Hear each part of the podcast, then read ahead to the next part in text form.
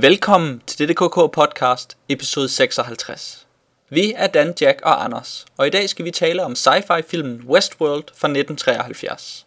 Om den danske internet-tv-kanal Pixel TV og om arkadespillet Contra. Men først, et kort citat.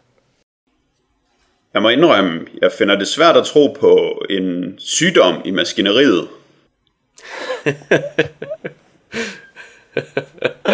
Nå, nå. En slags skeptisk videnskabsmand nærmest. Ja, hvad lavede du der, Jack? Det øh, var det, jeg havde. Jeg havde, jeg havde lige sat mig godt til rette. Så stoppede det bare. Du kan ikke få et langt citat hver gang på, Nej, men det ved jeg godt. selvom jeg ved, du elsker det. Man bliver jo lidt tilvandt det. Nå, øh, Dan, hvad tror du, det var? Jeg tror næsten, det var fra Westworld. En Ja, slags film.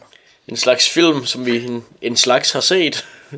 Nå ja, vi har jo set den til i dag. Ja. Jamen, så ved jeg også godt, hvad det er. Det var godt. Ja, en skeptisk videnskabsmand, som, øh, som har bygget nogle robotter, Ja.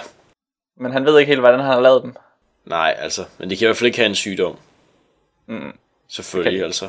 Men faktisk var det jo ikke filmen, jeg citerede. Det var Power Man 5000's album Anyone for Doomsday fra 2001, som starter med de ord. Ah, Ja. det kan jeg godt huske. Så lidt, øh, lidt øh, intertekstualitet tidligt på en øh, lørdag middag. Ja. Nemlig. Og jeg hørte øh, pladen længe før jeg vidste, at, hvilken film der havde noget med at gøre. Så så jeg tilfældigvis en dag på TCM en bid af Westworld, som var lige præcis den bid. Og så vidste jeg, hvor det kom fra, og så var jeg helt vildt glad. Og derfor Ja. gør Westworld mig glad. Så Power Man er dybt inspireret af de der fede små klip, der kommer i, øh, i TCM. Jamen, det var hele filmen. Jeg slog bare tilfældigvis over på den, lige da han skulle til at sige det. Så jeg tror, måske er det hele Westworld. Måske er det hele TCM, de generelt er inspireret af. Det er bestemt også en mulighed. Hvem er ikke inspireret af TCM? Ja, de laver godt nok nogle, øh, nogle lækre teasers på den her kanal. Det gør de. Det skal de have. Men øh, vi skal ikke tale om øh, Power Man i dag. Eller gale videnskabsmænd, eller robotter. Vi skal tale om pixels. Og så, når man taler om pixels, så taler man jo også om robotter og gale videnskabsmænd. Men det kommer. um, vi skal tale om tre slags pixels. Vi skal tale om øh, den pixelerede 2D-grafik, der optræder i filmen Westworld, som lidt af en, øh, en benchmark-film inden for sådan øh, computereffekt i, øh, i spillefilm fra 73. Så skal vi tale om computerspillet, videospillet, arkadespillet Contra fra 80'erne. Et eller andet sted i 80'erne. Der er jo flere versioner af den, så jeg er faktisk ikke helt sikker på, hvornår den første er fra, og hvornår den, vi har spillet, er fra. Men det kommer vi garanteret til at tale om Ja. sidste programmet, når vi taler om Contra. Og så i midten af det hele skal vi tale om det danske tv-kanal, internet-tv-kanal Pixel TV, som er en tv-kanal, der taler om computerspil. Ja. Det hedder noget med pixels. Um, og det er jo så en del af vores, øh, vores tre afsnits suite om, omhandlende små danske specialmedier. Ja. Um, Hvor vi så tidligere har talt om tegneseriemagasinet Strip og planetpulp.dk. En slags episk trilogi inden for dansk underholdning. Som så Et slutter i dag. triptykon endda. Ja. ja. Ja.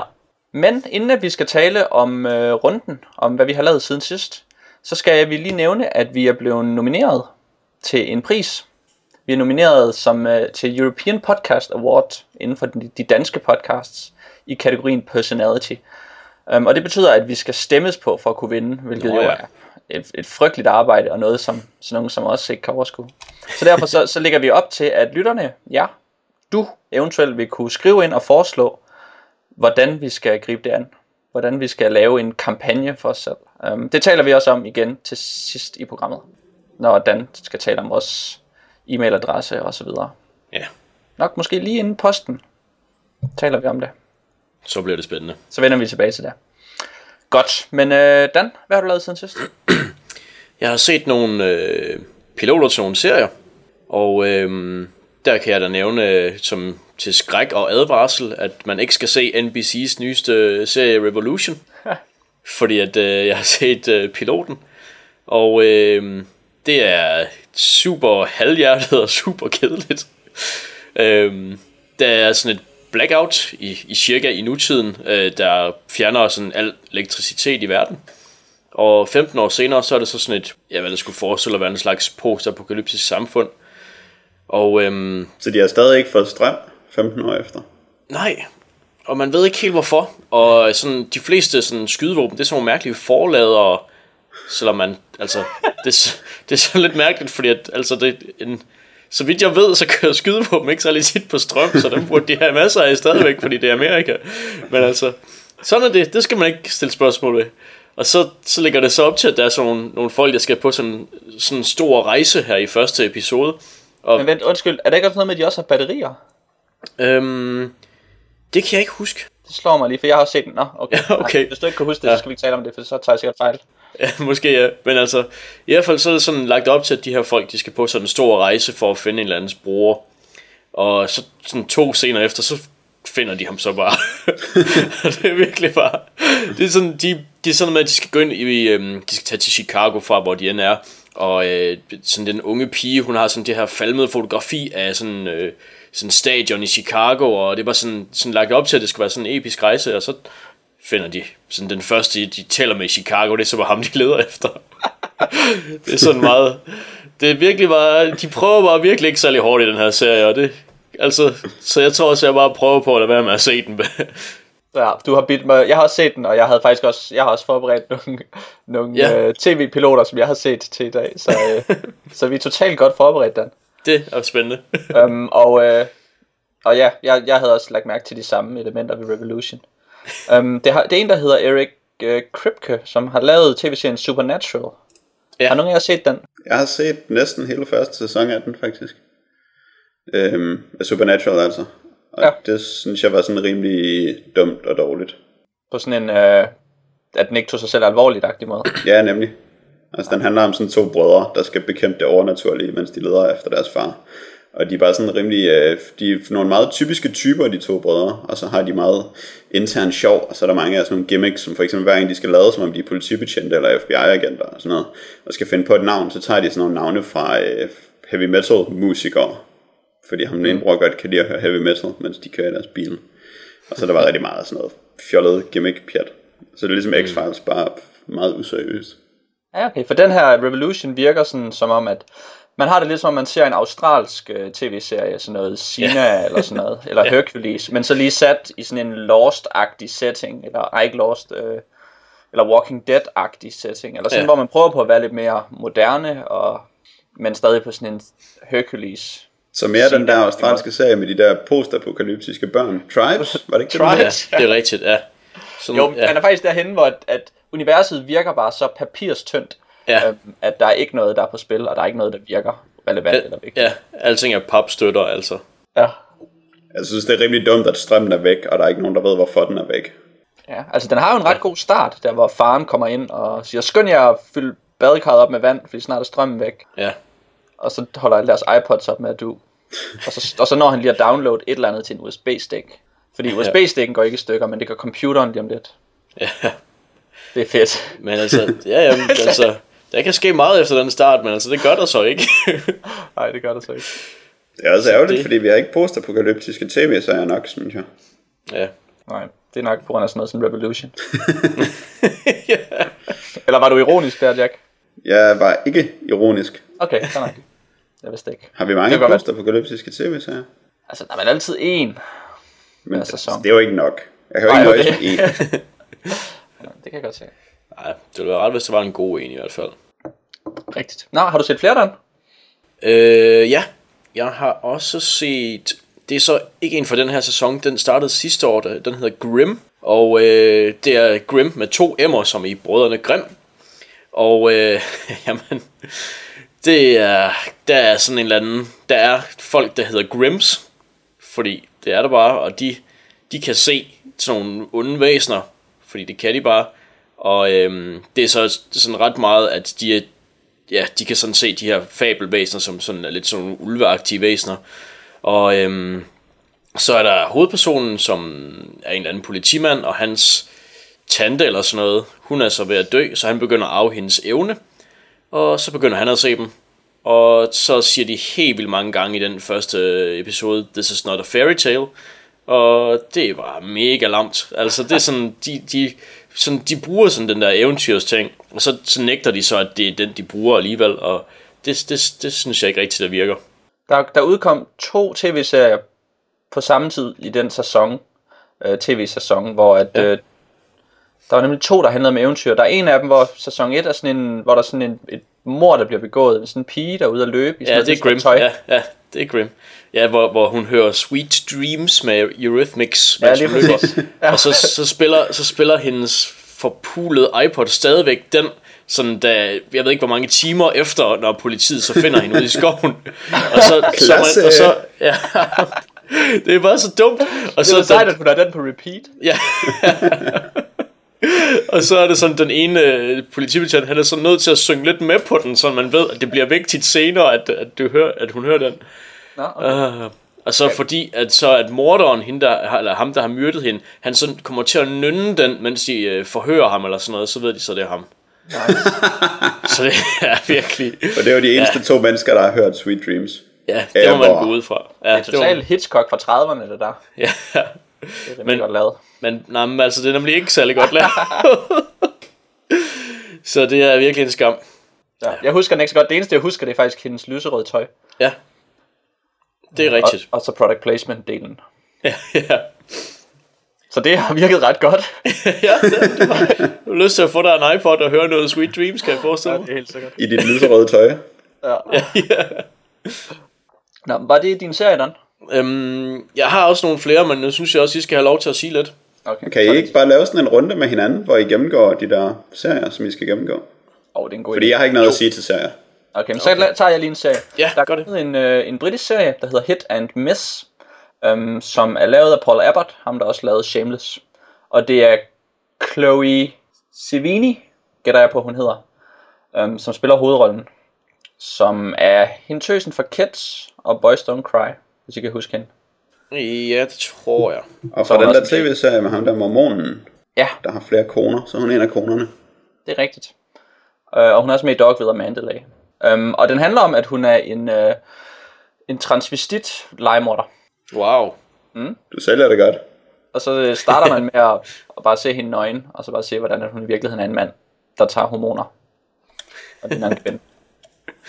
Og det gør de sådan et, et par gange i afsnit 1, hvor ligesom får etableret hendes anatomi. Eller hans. Nok hendes, det er vel det rigtige at sige. Hvis hun føler sig som en kvinde. Jeg er forvirret. Skal du ikke se den der serie, den?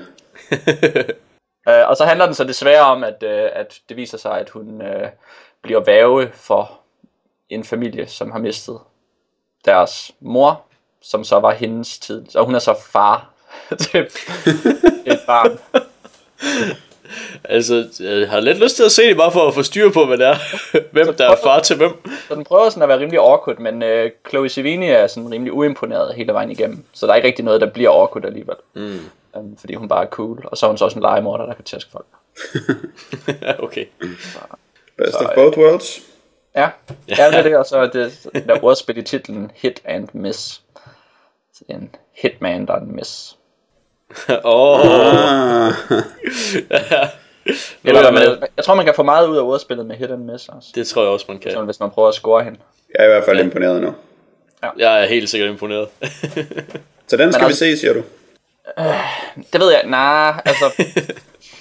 det er helt klart det mest interessante af de tv-serier, jeg har set. Så sammenlignet med alt det andet, så er det det bedste Okay. af, af de ting, jeg har set af den nye sæson af tv-serier. Jeg ved heller ikke om sådan vores tærskel for, hvor interessant noget skal være, for at vi ser det, er specielt høj. Nej, ja, men så, øh, jeg har også kun det. set den her afsnit 1, og den har, den har også nogle ærgerlige elementer. Den, øh, den snør sig lidt sammen og bliver lidt for lille på en eller anden måde. Øh, men det kan godt være, det er bare fordi, det er en pilot, og piloter de skal tit prøve at være lidt mere sådan, have en helhed sammen Ja. med en, en serie. Så det bliver spændende at se, hvad der kommer til at ske fremover. Jeg synes, du sælger den godt. Okay. Så bliver jeg altid nervøs, når du siger. Hvad? har du mere? Øhm, jamen, jeg, jeg har også set øh, piloten til Vegas. Ny øh, serie, der også er øh, startet. Og det er øh, i 1960'ernes Las Vegas. Der skal, ja, hvad kan man sige, der skal Dennis Quaid og Michael Chiklis øh, konkurrere om, hvem der er den hårdeste negl. Uh, der, nu, nu skal jeg lige høre noget. Hvor Ja. fucked up er Dennis Quaid's fjes i den serie? Det er faktisk forholdsvis almindeligt. Okay. Nå, det Ja. synes du? Ja. Okay. Så er det bare mig. Ja. Okay. Nå, fortsæt. Ja, ja, altså der, øh, hvad hedder det, Dennis Quaid spiller en, øh, sådan en rancher, der ligesom bliver værvet af loven, og øh, Michael Chiklis, han er en, øh, ja, hvad kan man sige, casino ejer skråstrej gangster, der øh, så tager til byen for personligt at, at gøre ting der, og så, øh, så er der en øh, guvernørs, hvad er det, niæse, der bliver fundet død, og så starter de ligesom deres, øh, deres rivaleri, og øh, det synes jeg faktisk, jeg synes faktisk, det virkede ok. Jeg synes faktisk, det var sådan, sådan lidt hyggeligt at have sådan noget 60'er stemning og noget gangsterværk indover, og så et par cowboys, der, øh, der, ja, der slog folk i hovedet og sådan noget. Det, øh, jeg synes, der var en del elementer, som, som jeg faktisk godt kunne lide. Og Carrie Ann Moss, der er forud for sin tid. Ja, hele tiden. ja, jamen det, er- det er rigtigt. Jeg synes faktisk, det var, det var sådan lidt hyggeligt at se, så det tror jeg, jeg vil prøve at se noget mere af, og se om det kan udvikle sig til noget, til noget fedt. Ja, Okay. Jeg sad bare fixeret på Dennis Quaid's øh, store næse og ører hele tiden. Det hele så bare så mærkeligt ud, fordi det er som om, han har fået lavet et eller andet makeup, så han skal se yngre ud, men sådan alle proportionerne i hans ansigt er bare så mærkelige, at øh, jeg synes, det var så skørt at se på. Okay, det tænkte jeg ikke rigtig på. Han ser bare sær ud. Jeg håber, det bliver ligesom i den der gamle science fiction film, der hedder noget med Enemy, som Dennis Quaid var med i, og så ender det med, at ham og Michael Chiklis, de skal være kærester. Nå, Enemy Mine, tror jeg. Enemy den hedder. Mine, ja. Ja, ja. Det er rimelig Hvor- sandt. Så ja, bliver hvor- han... Ej, okay, nu har jeg måske spoilet Enemy Mine, egentlig. ja ej, den er meget gammel, så den, den bør man have set. Også Hvis du, er heldig, hvis du er heldig, har du også lige spoilet Vegas. ja, ja, hvor de får sådan en lille alien baby sammen. Spoiler, Dennis Quaid snæver rummanden til sidst. Og øh, Michael Chiklis. Ja, Men og så synes jeg faktisk, at Michael Chiklis bliver en lille smule ødelagt af den her, af den her Vegas-serie. I hvert fald den attitude, som han har i afsnit 1, hvor han ikke får lov til at have den der dobbelthed, og den der nervøsitet ja. og sære quirkiness, som Chiklis er så god til. Hvor han Ja. sådan hele tiden, hele tiden er ved at bryde sammen af frygt eller, eller nervøsitet i, i sådan, hans normale karakter. Tænker du Så på er hans der- rolle i No Ordinary Family her? Ja, eller kommissæren, eller ja, sådan noget. ja der er altid, han har altid meget på spil. Ja, og- og han er altid, øh, han prøver at være en tough guy, men han er det aldrig. Ja. Men altså, jeg, jeg tror, eller jeg håber sådan, at det lidt kommer, når, når han, hvad kan man sige, finder ud af, at han har en, en farlig modstander i Den- Dennis Quaids kæmpe øre. øhm, så det er sådan lidt, at jeg, jeg, jeg ved ikke, jeg synes, der er et eller andet potentiale, der kan eventuelt blive en spændende serie. Han er en tough guy i The Shield. Okay. Der er han Lige også nervøs, er han ikke det stadigvæk? Nej, men det er ikke sådan rigtigt. Han er nemlig alt for tough det meste af filmen, men sådan, øh, eller det meste af serien, men det absolutte højdepunkt af den scene, hvor han netop bliver nervøs. Det var virkelig, mm. det var alle syv sæsoner værd, for at se der, hvor han sidder i bilen, og så bliver han nervøs. Og så er Fedt. det virkelig godt. Så jeg kan godt se, hvordan øh, det vil være fedt at have noget af det i Vegas. Ja, jeg, jeg er bange for, at han bliver for meget, en, fordi det er virkelig en, en kliché-rolle, han er inde i. Ja. Mob guy, nu skulle du være tough, og så har man set alle de der store øh, film, som handler om en sej mob guy, og så skal man bare være lige så sej som en af dem. Um, Ja. Og så bliver det, altså der er ikke noget, der overrasker en i alt, hvad han gør. Han er bare sådan lidt hård. Ja, Lidt hyggehår. Hyggehård. Ja, hygge. men nu sagde du lige Shield, Dan, eller Jack, og så skal vi jo næsten også lige nævne øh, tv-serien Last Resort, som er skrevet, og vist også produceret af ham der Shield, forfatteren. Hvad er det, han hedder? Ja. ja, der, der hoppede du lige ned i den, Dan. Der hoppede jeg af med begge ben. Men du har set Last Resort eller hvad på? Ja, det har jeg. Ja. Det er en tv-serie, som øh, handler om en atomubåd, eller hvad de hedder. En ubåd med atomvåben i. En atomubåd er vel en, der er drevet af atomenergi. Nej, jeg tror, det hedder en atomubåd. Okay. Der er sikkert nogen, der kan sætte os på plads her. Øhm, og så øh, besætningen derpå, eller deri, øhm, hvor at, øh, at de pludselig kommer i en, øh, en svær situation, hvor de bliver bedt om at, øh, at fyre nogle atommissiler afsted. Af sådan en, øh, sådan en omvej, sådan ikke af den direkte kanal, men af den sekundære kanal. Sådan en nødkanal, som man normalt ikke ville bruge, medmindre at alt er, er fucked. Og så tvivler de lidt på at udføre den ordre, og så kommer de så i store problemer med den amerikanske her, fordi at de gjorde det. Øhm, og måske er der en konspiration, man ved det ikke rigtigt. Det er som om, at toppolitikere ikke helt ved, hvad der foregår, men det er måske heller ikke et tegn på noget. Um, og, så, øh, og så ender de med at, at, sådan, at gå renegade, og så øh, overtage sådan en lille hyggelig øh, tropeø, hvor de så kan hænge ud og drikke whisky. Det lyder bare mega godt. Det var lidt som mytteriet på Bounty. Ja, vi er derhen af. Øh, og så bare i en, i en ubåd, og så øh, har de selvfølgelig øh, alle de her atomvåben, som gør, at de bare kan true Detroit, nej ikke Detroit, Washington, med at bombe, bombe Washington. um, og så, øh, så derfor så kan de jo selvfølgelig, ja, så har de sådan en stalemate situation, hvor man så bare kan have en masse afsnit af Last Resort, hvor de hænger ud på den her tropeø. Han hedder Sean Ryan, ham der har skrevet det og lavet det. Nå ja. Og jeg synes, det er vigtigt at fremhæve, at øh, en af dem er spillet af Andre Brower, som spiller Frank Templeton i Homicide. Ja. Så derfor må serien være god.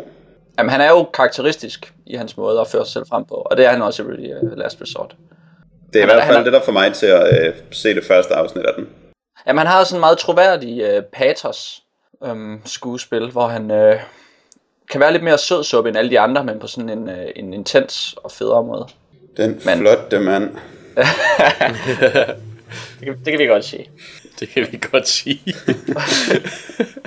ja, ja, det jeg tror også, jeg har solgt nu faktisk. Ja, men altså, der er meget i vejen med den her serie. Altså, det lyder lidt... Det lyder Jeg lidt tror ikke, jeg har sagt noget positivt. Nej, Det håber jeg ikke, jeg har. ja, det lyder Ja, lidt fordi skørt, din det er, konklusion er jo, at den er rimelig dårlig, ikke også? Jo, har du flere uh, serier, Dan? Øhm, nej, det har jeg ikke. Okay, jeg har lige uh, 666 Park Avenue. Ah, den er også på min liste, ja. altså, den har du set? nej, øh, altså, den er, jeg skal bare se den. Nå, okay. Ja, men den er da rigtig dårlig. ja, men du ved, navnet, det siger allerede, at den... Ja. Det, det er et dumt navn. Det er et virkelig dumt navn. Og det er i virkeligheden 999 Park Avenue. Sådan, så man kan ikke regne ud, at det er så ondt. Men så er det... Men så er det, Det er sandsynligvis. Så er det sandsynligvis djævlen, der ejer den her, den her store bygning. Jeg er ikke helt sikker. Spillet af Terry O'Quinn. Um, Okay. Locke fra, øh, fra Lost. Ah, ja. Øh, og så har den sådan en uh, introen med det her unge, uh, succesfulde par, som der, er på, som der er rigtig heldige og får lov til at blive uh, landlords, eller hvad man helt præcis kalder det. Dem, som der får en gratis lejlighed i den her fantastiske uh, bygning på Upper Manhattan. Mm-hmm. Um, og så har de et eller andet ansvar i forbindelse med den bygning. Er der så sådan nogle gamle mennesker, der kommer og giver dem chokolademus? Nej, det er der ikke. Okay. Men øh, det sjove ved den her bygning er så, at den, øh, at den øh, bebor alle mulige walks of life, fordi der er noget øh, rent control på nogle af etagerne og sådan noget. Um, så det er sådan en helt vildt eksklusiv bygning, hvor det er helt vildt svært at komme ind, men der er også alle mulige freaks, der bor der. Convenient. og så har den sådan et øh, meget Jones advokat-agtigt setup, hvor at, øh, at djævlen og hans kone øh, sådan prøver at, øh, at lure de her to hovedpersoner ind i deres øh, sådan luksusliv og prøver at få dem til at købe nogle for dyre kjoler og sådan et eller andet, de vil med dem. Det lyder bare så gement, altså. ja. Åh, for dyre kjoler. og sådan noget ting. Så, det er virkelig dårligt. okay. Ja, og øh, så tror jeg ikke, jeg vil nævne mere. Jeg har set lidt mere. Homeland er fortsat, øhm, og ja. Det virker som om, at sæson 2 godt kunne blive god, faktisk. Fedt. Øhm, det er jeg også lidt overrasket over. Jeg troede faktisk kun, der var en, øh, en sæson. Eller der kun ville komme en sæson. Jamen, så vandt den jo lige en Emmy Nå. som bedste, og var blevet anset som en af de bedste tv-serier i lang tid. Så okay. jeg tror godt, man vidste, at man var nødt til at lave sæson 2 Ja, okay. i god tid. Og det gjorde man. Man forstår bare slet ikke, hvad den skal handle om, sæson 2. Nej, det Nej, også den som skal- var meget afsluttet i, i sæson 1. Men så kan I se afsnit 1 af sæson 2 og prøve at finde ud af, hvordan de prøver at køre den videre. Ja, det må vi gøre. Ja, vi må hellere komme videre med andre ting end øh, tv-shows, for nu er der gået 25 minutter. Ja. Jack, hvad har du lavet? Jeg har jo været til Blodig Weekend, som er Københavns nyeste filmfestival, hvor øh, Cinemateket er husets biograf, de i en weekend stort set kun viser gyserfilm, og i hvert fald mange af dem. Måske er det egentlig mere splatterfilm, men i hvert fald på de der kanter. Og der har jeg været inde og se en hel del film, men jeg ved ikke, om det giver nogen mening at gennemgå dem alle sammen nu, fordi vi lige har gennemgået så meget, eller om jeg måske bare lige skulle tage de to highlights. Ja, det lyder som en god idé. Fordi ja. overordnet, så var jeg egentlig rimelig øh, skuffet over det meste af det. Den første, jeg vil nævne, det er øh, Rig 3 Renaissance, som man skal sige det, fordi det er spansk øhm, og jeg troede egentlig, at jeg var på vej ind for at se Paranormal Activity 3, da den gik i gang. Så de to havde jeg blandet sammen, og det har jeg også hørt om andre, der gjorde. Øh, og så var det hele på spansk, og så er jeg mega forvirret og kunne ikke forstå, hvad der foregik. Men så er det fordi, det er Rig 3. som jo øh, er den her øh, shaky cam zombie film, som øh, tog verden med storm, da der var nogle spanioler, der lavede den. Og den var sådan set rimelig øh, uhyggelig og seriøs og shaky cami. Etteren og toeren fulgte meget godt op på det. Og så kom der træeren, som er en øh, romantisk splatterkomedie med øh, flot kameraføring og storslåede effekter og alt muligt. Så der blev jeg så igen rimelig forvirret. Men da jeg kom over, at det var noget helt andet, jeg så, end jeg havde troet, jeg skulle se, så synes jeg egentlig, den var rimelig charmerende og rimelig godt skuespillet og meget kompetent lavet. Så jeg blev lidt, øh, sådan lidt charmeret af den. Men man skal ikke forvente sådan en, øh, en rig film. Man skal mere forvente sådan noget, øh, måske bad taste med god smag eller sådan noget. Der er i hvert fald øh, zombier og kædesave og brude og sådan nogle ting. Wow, skørt. Det var rimelig skørt, men det var alligevel rimelig charmerende. Og så var der den ene film, som jeg øh, helhjertet kan anbefale af dem, jeg så, som hedder Excision, som igen ikke sådan, var specielt gyserfilm. Det meste af filmen, der tænkte jeg faktisk mere på Todd Solondz, mens jeg så den. Det er en meget uh, Todd Solondz-aktiv film. Øhm, og der var nogen, der foreslog, at det var Todd Solondz mødte David Cronenberg på IMDb. Og det synes jeg faktisk ramte det meget godt, fordi den har uh, en masse groteske elementer og body horror-agtige ting, som er blandet sammen med en Todd Solondz film. Og så har den, uh, ja, og så er den faktisk virkelig god. For dem, der ikke kender Todd Solondz, så må du lige eksemplificere? Ja, øhm, han har lavet en masse film om øh, personer, som han virkelig hader. For eksempel Welcome to the Dollhouse er måske den, som flest kender. Øh, som handler om en øh, lille grim pige, der hedder Wiener, og bliver drillet i skolen. Øh, og så går det bare rigtig skidt for hende, og så er hun rigtig ringe. Og sådan er øh, Accession også lidt. Den handler faktisk om en grim pige, der bliver drillet. Øh, men, ja, Todd film er som regel ret sjove. Øh, når man ser det, selvom de også er rimelig tårkommende. Jeg ved ikke helt, hvor sjov Excision var, men den var i hvert fald meget effektfuld. Den gjorde et stort indtryk på mig. Og måske har jeg ikke lyst til at sige så meget om den, fordi jeg er desperat bange for at komme til at spoile noget. Men jeg synes, øh, den var virkelig god. Så hvis man kan lide Todd Solondz, eller David Cronenberg, eller store emotionelle indtryk, så synes jeg, man skal se den. Okay, det tror jeg godt. Ja.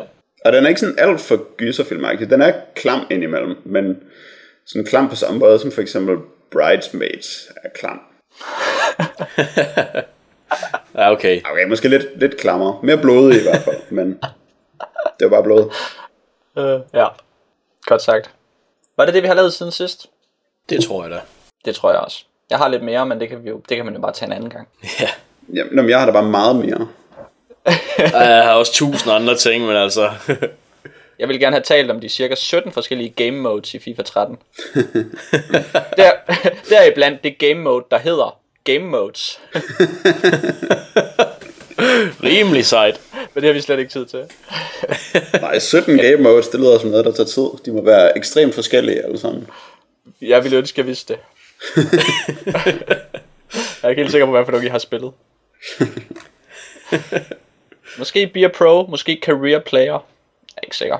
Det kunne være fedt, hvis de sådan blev streget ud, hver gang man havde spillet det, så kan man se, hvornår man var færdig med at spille FIFA. Ja. ja. Nej, jeg synes, vi skal tale om, øh, om vores første emne, Westworld. Westworld, det er en film fra 1973, science fiction film, øh, skrevet og instrueret af Michael Crichton, som er nok bedst kendt for at have skrevet øh, Jurassic Park, som, som blev filmatiseret af, af Stefan Spielberg. Det er en øh, ikke så fjern fremtid, vi, øh, vi øh, har med at gøre i filmen, hvor der er to gutter, Peter og Blaine, som er på vej til sådan en øh, forlystelsespark. Ja, der egentlig er tre forskellige forlystelsesparker. Der er Western World, eller Westworld, og så er der Medieval World, og så er der Roman World. Og øh, det er så sådan tre øh, små øh, reservater, man kan komme til og øh, opleve, hvordan det var dengang. Og øh, i de her reservater, de er, øh, de er så befolket med en masse robotter, som så, så det ikke gør noget, når man skyder dem, øh, eller voldtager dem, eller hvad man nu kan finde på at gøre med dem. Og Øh, så er der sådan nogle herlige øh, fail-saves, så de besøgende mennesker, de så ikke kan komme til at skade hinanden, øh, i hvert fald ikke med revolver, fordi de kan sådan, ja, de kan sådan, de ved, om de bliver, om de peger på en øh, robot eller et menneske. Så, så det er sådan, at, ja, meget hedonistisk, at mennesker, de bare kan gå helt amok i de der øh, simulationsverdener. Men altså, i fremtiden, så skal man selvfølgelig passe på med, hvad det er, man man ønsker sig, fordi der er selvfølgelig en glitch i, i programmeringen af de her robotter, som, øh, som vi hørte Jacks videnskabsmand betvivle i starten, men den er der faktisk. Og øh, så sker der så det, at øh, de der robotter de går amok, mens øh, Peter og Blaine vågner op efter et øh, slagsmål i et horehus, og så, øh, så holder det delm op med at være ferie for dem længere. Ja. Så blev ferien dårlig. ja, Eller hvad de helt præcis siger i de der trailers. ja. Måske et helvede. måske et helvede. Ja. Uh, Michael Crichton. Har I læst noget af ham? Jeg har sådan på fornemmelsen, at han- du godt kunne have en bog med ham på bogreven, Jack. Jamen, det har jeg da også. Jeg har Jurassic Park. Det er den eneste af hans bøger, jeg har læst. Okay. Og jeg, jeg ved ikke, om hans brand af nær science fiction er specielt interessant eller vedkommende for mig. Synes måske, han mangler sådan lidt menneskelig pondus, når han skriver. Men han er jo også en, øh, altså, hvad kan man sige, lidt for skolet, eller altså han er jo, øh, er han ikke uddannet læge, eller var uddannet læge, Jo, det tror jeg faktisk. og øh, har forsket i alle mulige ting inden for sit felt. Jeg ved lavet intet om alt ham, så jeg håber ikke, du spørger mig. Okay. Ej, han, er, han er egentlig bare for klog til at skrive bøger, altså. Jamen jeg mener at, at huske, at, at han er en, der har været meget omkring og lavet rigtig mange forskellige ting. Um, og så til sidst slået sig ned på at være forfatter. Jo, han er i hvert fald uddannet læge, og det er jo i hvert fald... Ja, det er Han er i hvert fald en spændende person. Ja. Og i en kort periode i sit liv, der var han også filminstruktør. Og så lavede han blandt andet Westworld og et par andre ting. Jeg mener ikke, han har lavet voldsomt meget. Nej. Um, og det er jo en, øh, en genrefilm. Er det en politisk film? Øh, hvad, hvad, hvad tænker du på, når du siger politisk film? Det er jeg ikke sikker på. Om, øh, om vi sådan skal se dens handling som et symbol på den politiske samtid 1973. Nå. Jamen altså, det, det, tror jeg måske godt, man kan. Altså, Eller er det bare sådan en hyggesatire som Robocop? jamen altså, det er... Hmm, jeg tror, også, man kan sagtens se det som en hyggesatire i hvert fald, fordi den har de der temaer, som, som egentlig også Jurassic Park har, nu jeg tænker over det, med teknologi, der, der runner amok, mm. øh, som den også gør her i.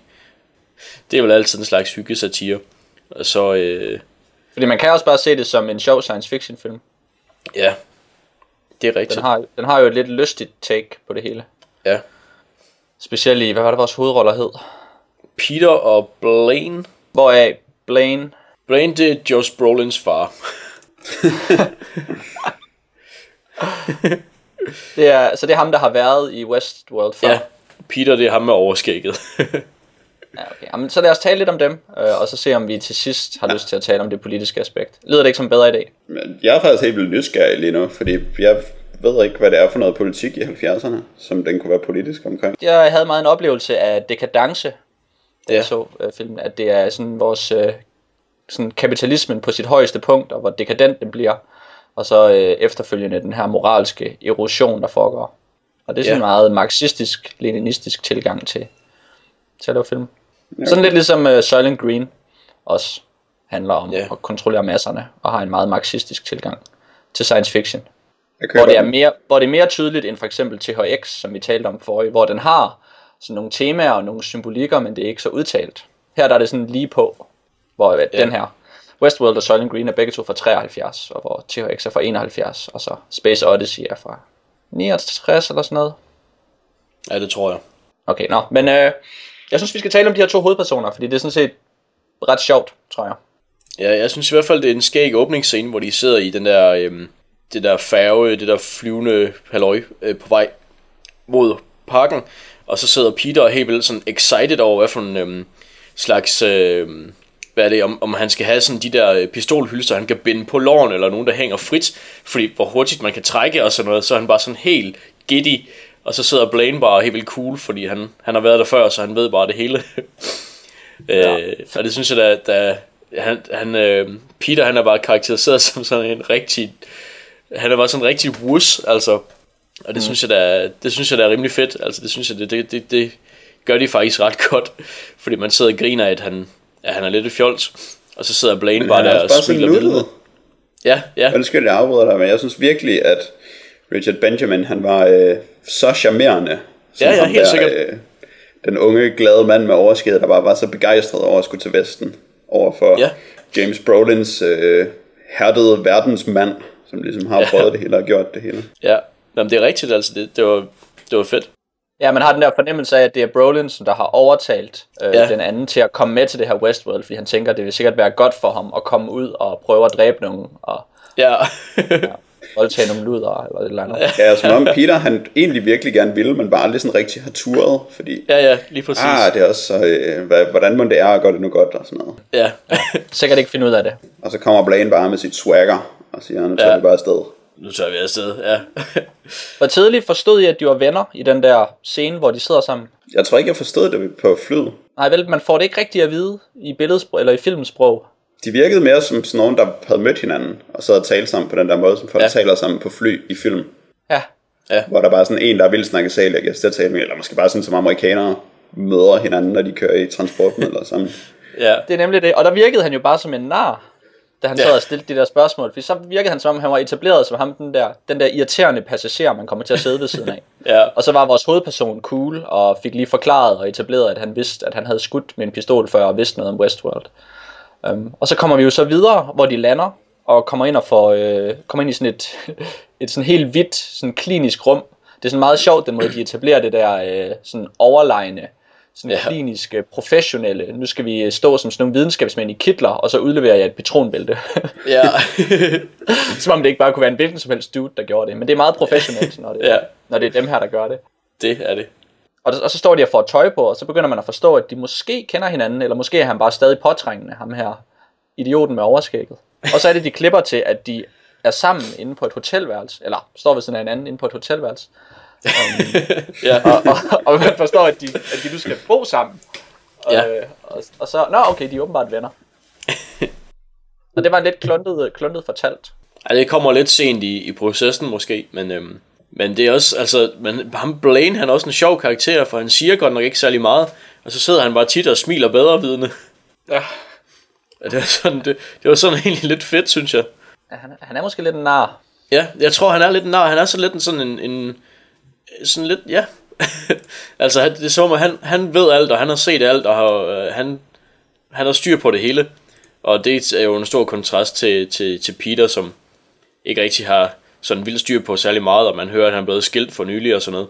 Ja, han er meget arrogant, Blaine, men det var også ja. øh, det perfekte karaktertræk til sådan en øh, rollemodel, som han er i den her coming of age story, Ja, som Peter Martin ja. gennemgår, hvor han går fra at være useless adolescent til at blive et rigtigt mandfolk. ja, Det var faktisk en ret øh, en smuk historie om ham, synes jeg. ja, Og jeg synes, når man lige kom over den lidt kluntede præsentation af dem til at begynde med, hvor man ikke forstod deres forhold og forstod dem, så øh, spillede de ret godt sammen til det. ja, De blev lidt interessante, fordi måske fordi de var lidt mere karikerede, end de egentlig behøvede at være. Men Det fungerede meget godt. Jeg var i hvert fald... Øh, jeg hæppede på ham. Han er jo den, der har plads til udvikling.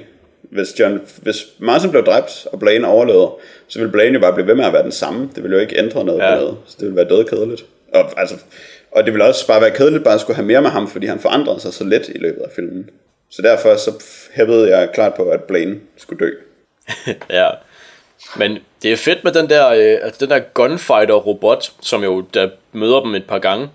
Hvor ja. øhm, første gang, hvor, hvor Peter han ligesom får lov at skyde den, også meget øh, tilhjulpet af Blaine, der siger, at han skal gøre det. Øhm, hvor han, så, øh, hvor han så bare plukker ham fuld af huller, og han står sådan og er lidt chokeret bagefter, og så, men så er det også sådan lidt fedt, kan man så se på ham. det synes jeg, der var virkelig, øh, der var man rigtig meget med ham, altså i sådan en, øh, altså det var sådan, det var sådan en meget voldelig scene faktisk, altså hvor han bare plukker ham derned. Fontæner af orange-rødt blod. Ja, der sprøjter ud. Og slow motion, Ja, som øh, de bruger lystigt, hver gang der er nogen, der bliver skudt. Når man skal vide, at noget er mere dramatisk end noget andet, ja, så bliver det vist i slow motion. Og så med sådan noget frygtelig echo på al lyden. ja. Ej, det virker meget 70'er. Nogle af de Ja. tricks, de laver der. Mm. Det er Hvor jeg synes 70's. faktisk, at slow motion scenerne er flotte. Øh, altså det er, øh, det er godt lavet. Det er sådan, altså rigtig korrekt lyssat og de der ting, så man ikke, mm. så det bare ser langsomt ud, uden at, at det bliver grimt. Men, øh, men så echo indover, for ligesom at trække lyden ud og give den den samme langsomme effekt, og det er, altså jeg forstår ikke, hvad echo det skal gøre. Ej, og musikken var også, især når den sådan var mest elektronisk, så var den også virkelig mærkelig og forstyrrende og ikke særlig følelsesunderstøttende. Nej, de har den der i starten, hvor de bruger sådan noget meget uh, Space Odyssey-agtigt lydbillede, hvor der er sådan noget, sådan noget radio-chatter og sådan noget blip-blop halløj, der kommer ind, og sådan computer bip lyde Um, er det mindede lidt om, øh, om den der THX? Ja, også den, ja. Tal. Ja. Ja, det er præcis. Så det var meget godt. Men hver gang der sker noget dramatisk, og der skal være elektronisk musik, her tænker jeg måske især på slutningen, der var det sådan virkelig irriterende. Men øh, ja, slutningen kan vi vende tilbage til. Vi var i gang med at tale om den her Gunman, som yeah. jo så er spillet af Joel Brenner. Ja. Også øh, den vilde russer. Ja. Som, øh, som, altså han har jo en meget karakteristisk personlighed som skuespiller. Ham kan man vel altid bare sætte ind, og så tager han al opmærksomheden i et, i et billede. Ja, han ser meget, han ser meget ond ud i hvert fald. Ja. Og øh, jeg kan så forstå, at hans, hans udseende i Westworld har, er direkte baseret på hans udseende i, som, som øh, revolvermand i The Magnificent Seven. Så øh, det var vist også en ret ikonisk øh, rolle. Og så er det altid et hit, hvis man skal være en robot, at man så er skaldet. Og ja. ens navn er et tal. ja, det er jo rimelig, altså det er jo rimelig fedt. Det, den klarer han også. Ja. Øhm, og jeg det var sjovt, fordi jeg fik faktisk sådan nogle, lidt sådan nogle øhm, proto-Terminator-konnotationer for ham. Fordi han er sådan en robot, ja. der går og ser sur ud, og han sådan ligesom aldrig stopper, og, øh, og han kan holde til en masse punishment. Ja, kan han det? Ja, det kan han. Altså, ja, det, jo, det er rigtigt nok. Ja, det er rigtigt nok, han kommer tilbage efter et skud, ikke? Ja. Allerede i første scene, der kan han godt se, at han bliver nødt til at blive ved med at plaffe ham ned. Ja. Ja, det er det, han skal. Men jeg synes ikke, det var en særlig overnaturlig stamina, han viste der. Altså, det er der også mange almindelige gunslingers i mange westerns, der ville have gjort. Ja, det er rigtigt, men jeg tænker, mere, jeg tænker mere på, hvad kan man sige, jagtsekvensen øh, senere i filmen, hvor han ligesom bliver ved med at komme. Øh, ja, det er rigtigt, han får rigtig mange task til sidst, der bliver ja. det. ja. der, øh, der er han ret hæftig. Ja, og brændt og får syre i fjeset. ja. ja. Så det er det. Der skal der i hvert fald en del til for, for at lægge ham ned. På den måde er han en robot. Ja. And we don't know how they work. det er bare for teknisk. Ja. For... Øhm, jamen altså, så, så, så de render sådan set rundt det her makkerpar, og, og har det lystigt i Westworld, hvilket betyder, at de, øh, at de skal tage svære beslutninger om, hvorvidt at de skal være sammen med nogle luder eller røve en bank, for eksempel. ja, det er det. Altså, det, det er jo for alle øh, folk i det gamle Vesten. Det ved man bare ikke. Åh, ja. Det ene eller det andet. Nyhederne eller TV-avisen. Ja, det er simpelthen næsten for svært. Men, ja. men det synes jeg da er rigtig fedt, at de har de der... Øhm, altså, det er virkelig bare øh, fuldstændig ja, hedonistiske ting, som de kan, de kan begive sig ud i. Altså, drikke sig fulde og øh, tage på hårhus, eller røve en bank, eller stoppe nogle bankrøver. Altså, det var sådan de kan bare sådan svælge sig i, i hvad end de ligesom ja, har lyst til at gøre. Ja, og det er der, hvor jeg synes, det virkelig bliver dekadent, ikke?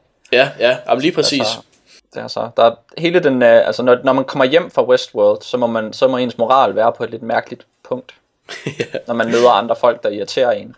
Ja, eller så man, man ikke bare kan skyde dem. Eller man føler sig tiltrukket af. Ja, og man ikke bare kan knalde dem. Det er ja. jo, ja. Men det synes jeg, det er fedt, at det, det understøtter de der, øhm, senere i, øh, i Medieval World og i Roman World ret godt, den der hedonisme, der er. Øh, fordi i Roman World, der, der er det sådan lidt, at der tror jeg, at de sådan drikker vin og, og deltager i orgier hele tiden. Sådan virker det i hvert fald lidt.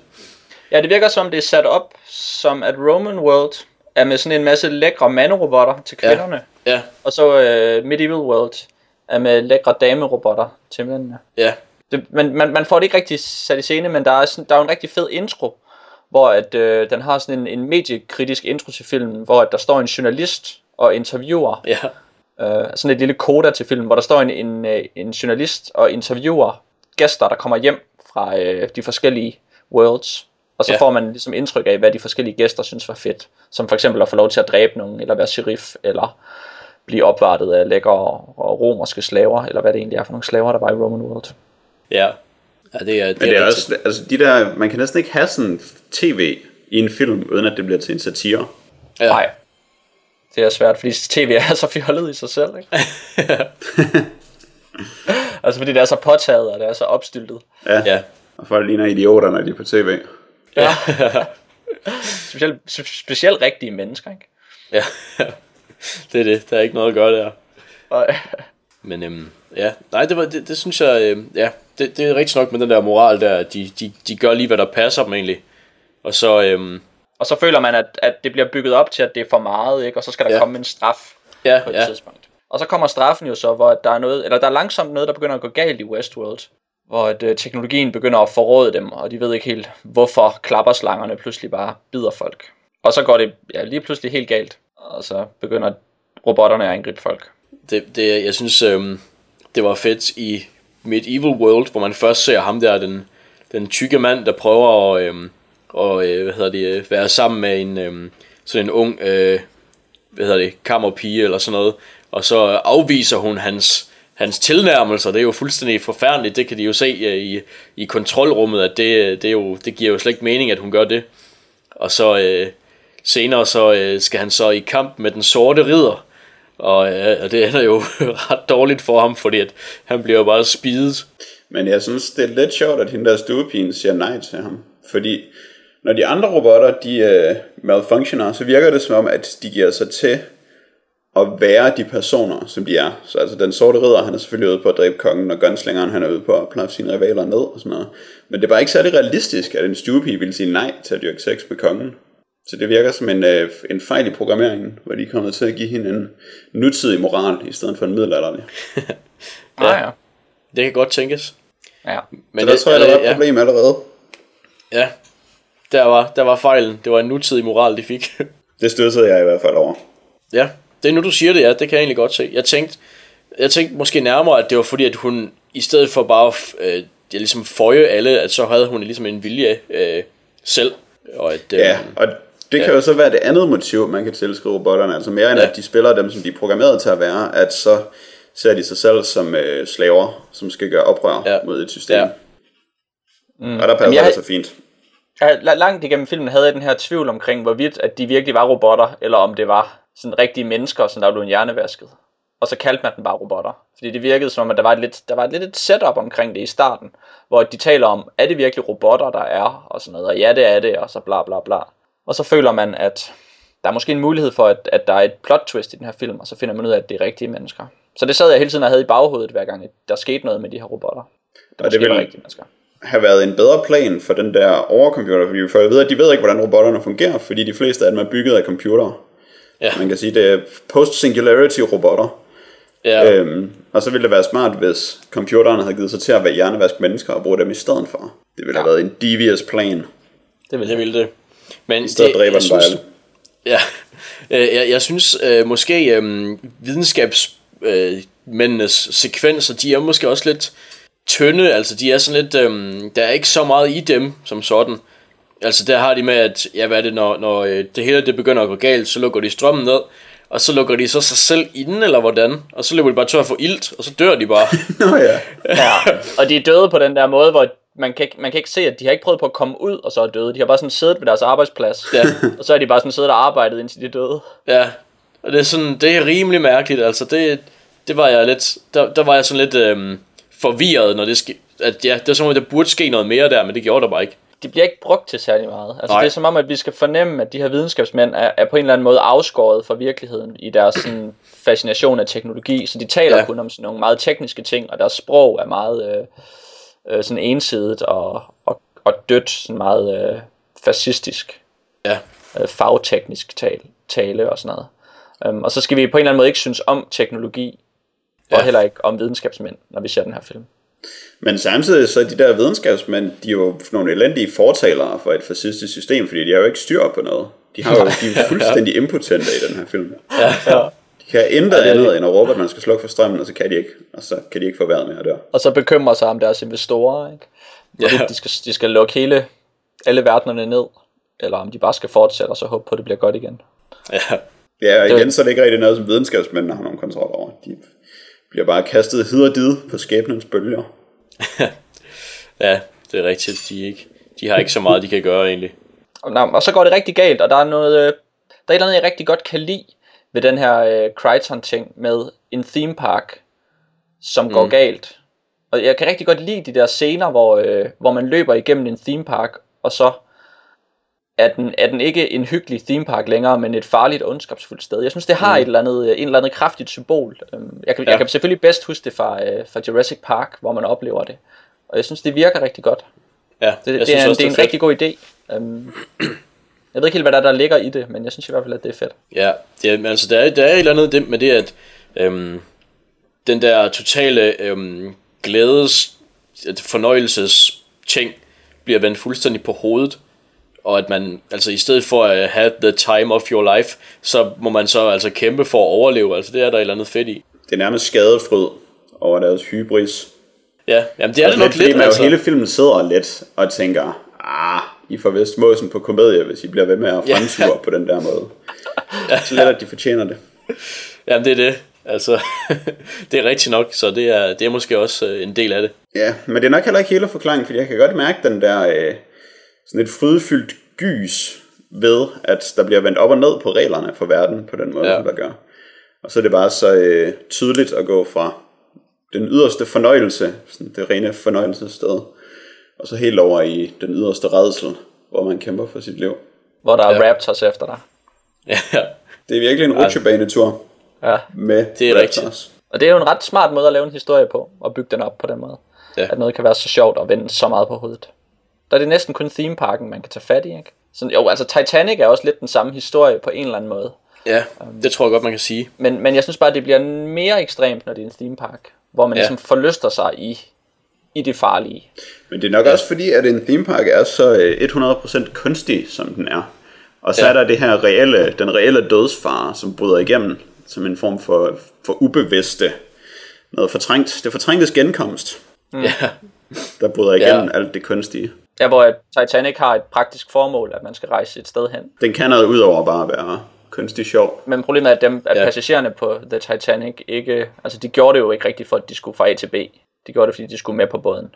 Jamen, der er helt sikkert en masse forlystelsespark i Titanic. Mm. Det var også en rimelig dårlig måde at komme fra punkt A til punkt B på, viste det sig. det er rigtigt. Um, og så har den den her slutning, som jeg synes er interessant, som du måske godt kan lide, Jack. Jeg er ikke helt sikker. Uh, Westworld, ikke Titanic. Vi behøver ikke tale mere om Titanic nu. Nej, det er nok nu, det er nok nu. Ja. Jamen, Eller du, øh, sagde, du sagde i hvert fald, at, at du kunne godt lide hovedpersonens øh, udvikling igennem slutningen. Ja, men jeg synes, at den udvikling, den slutter på et tidspunkt forholdsvis lang tid før filmen gør det. Og så er der bare en masse running and screaming, som jeg synes var rimelig kedeligt. Stort set der, hvor, måske der var bare der, hvor han redder ud af Western-byen nærmest. Øh, der er der sådan set ikke så meget mere udvikling at komme efter. Der virker han rimelig determined.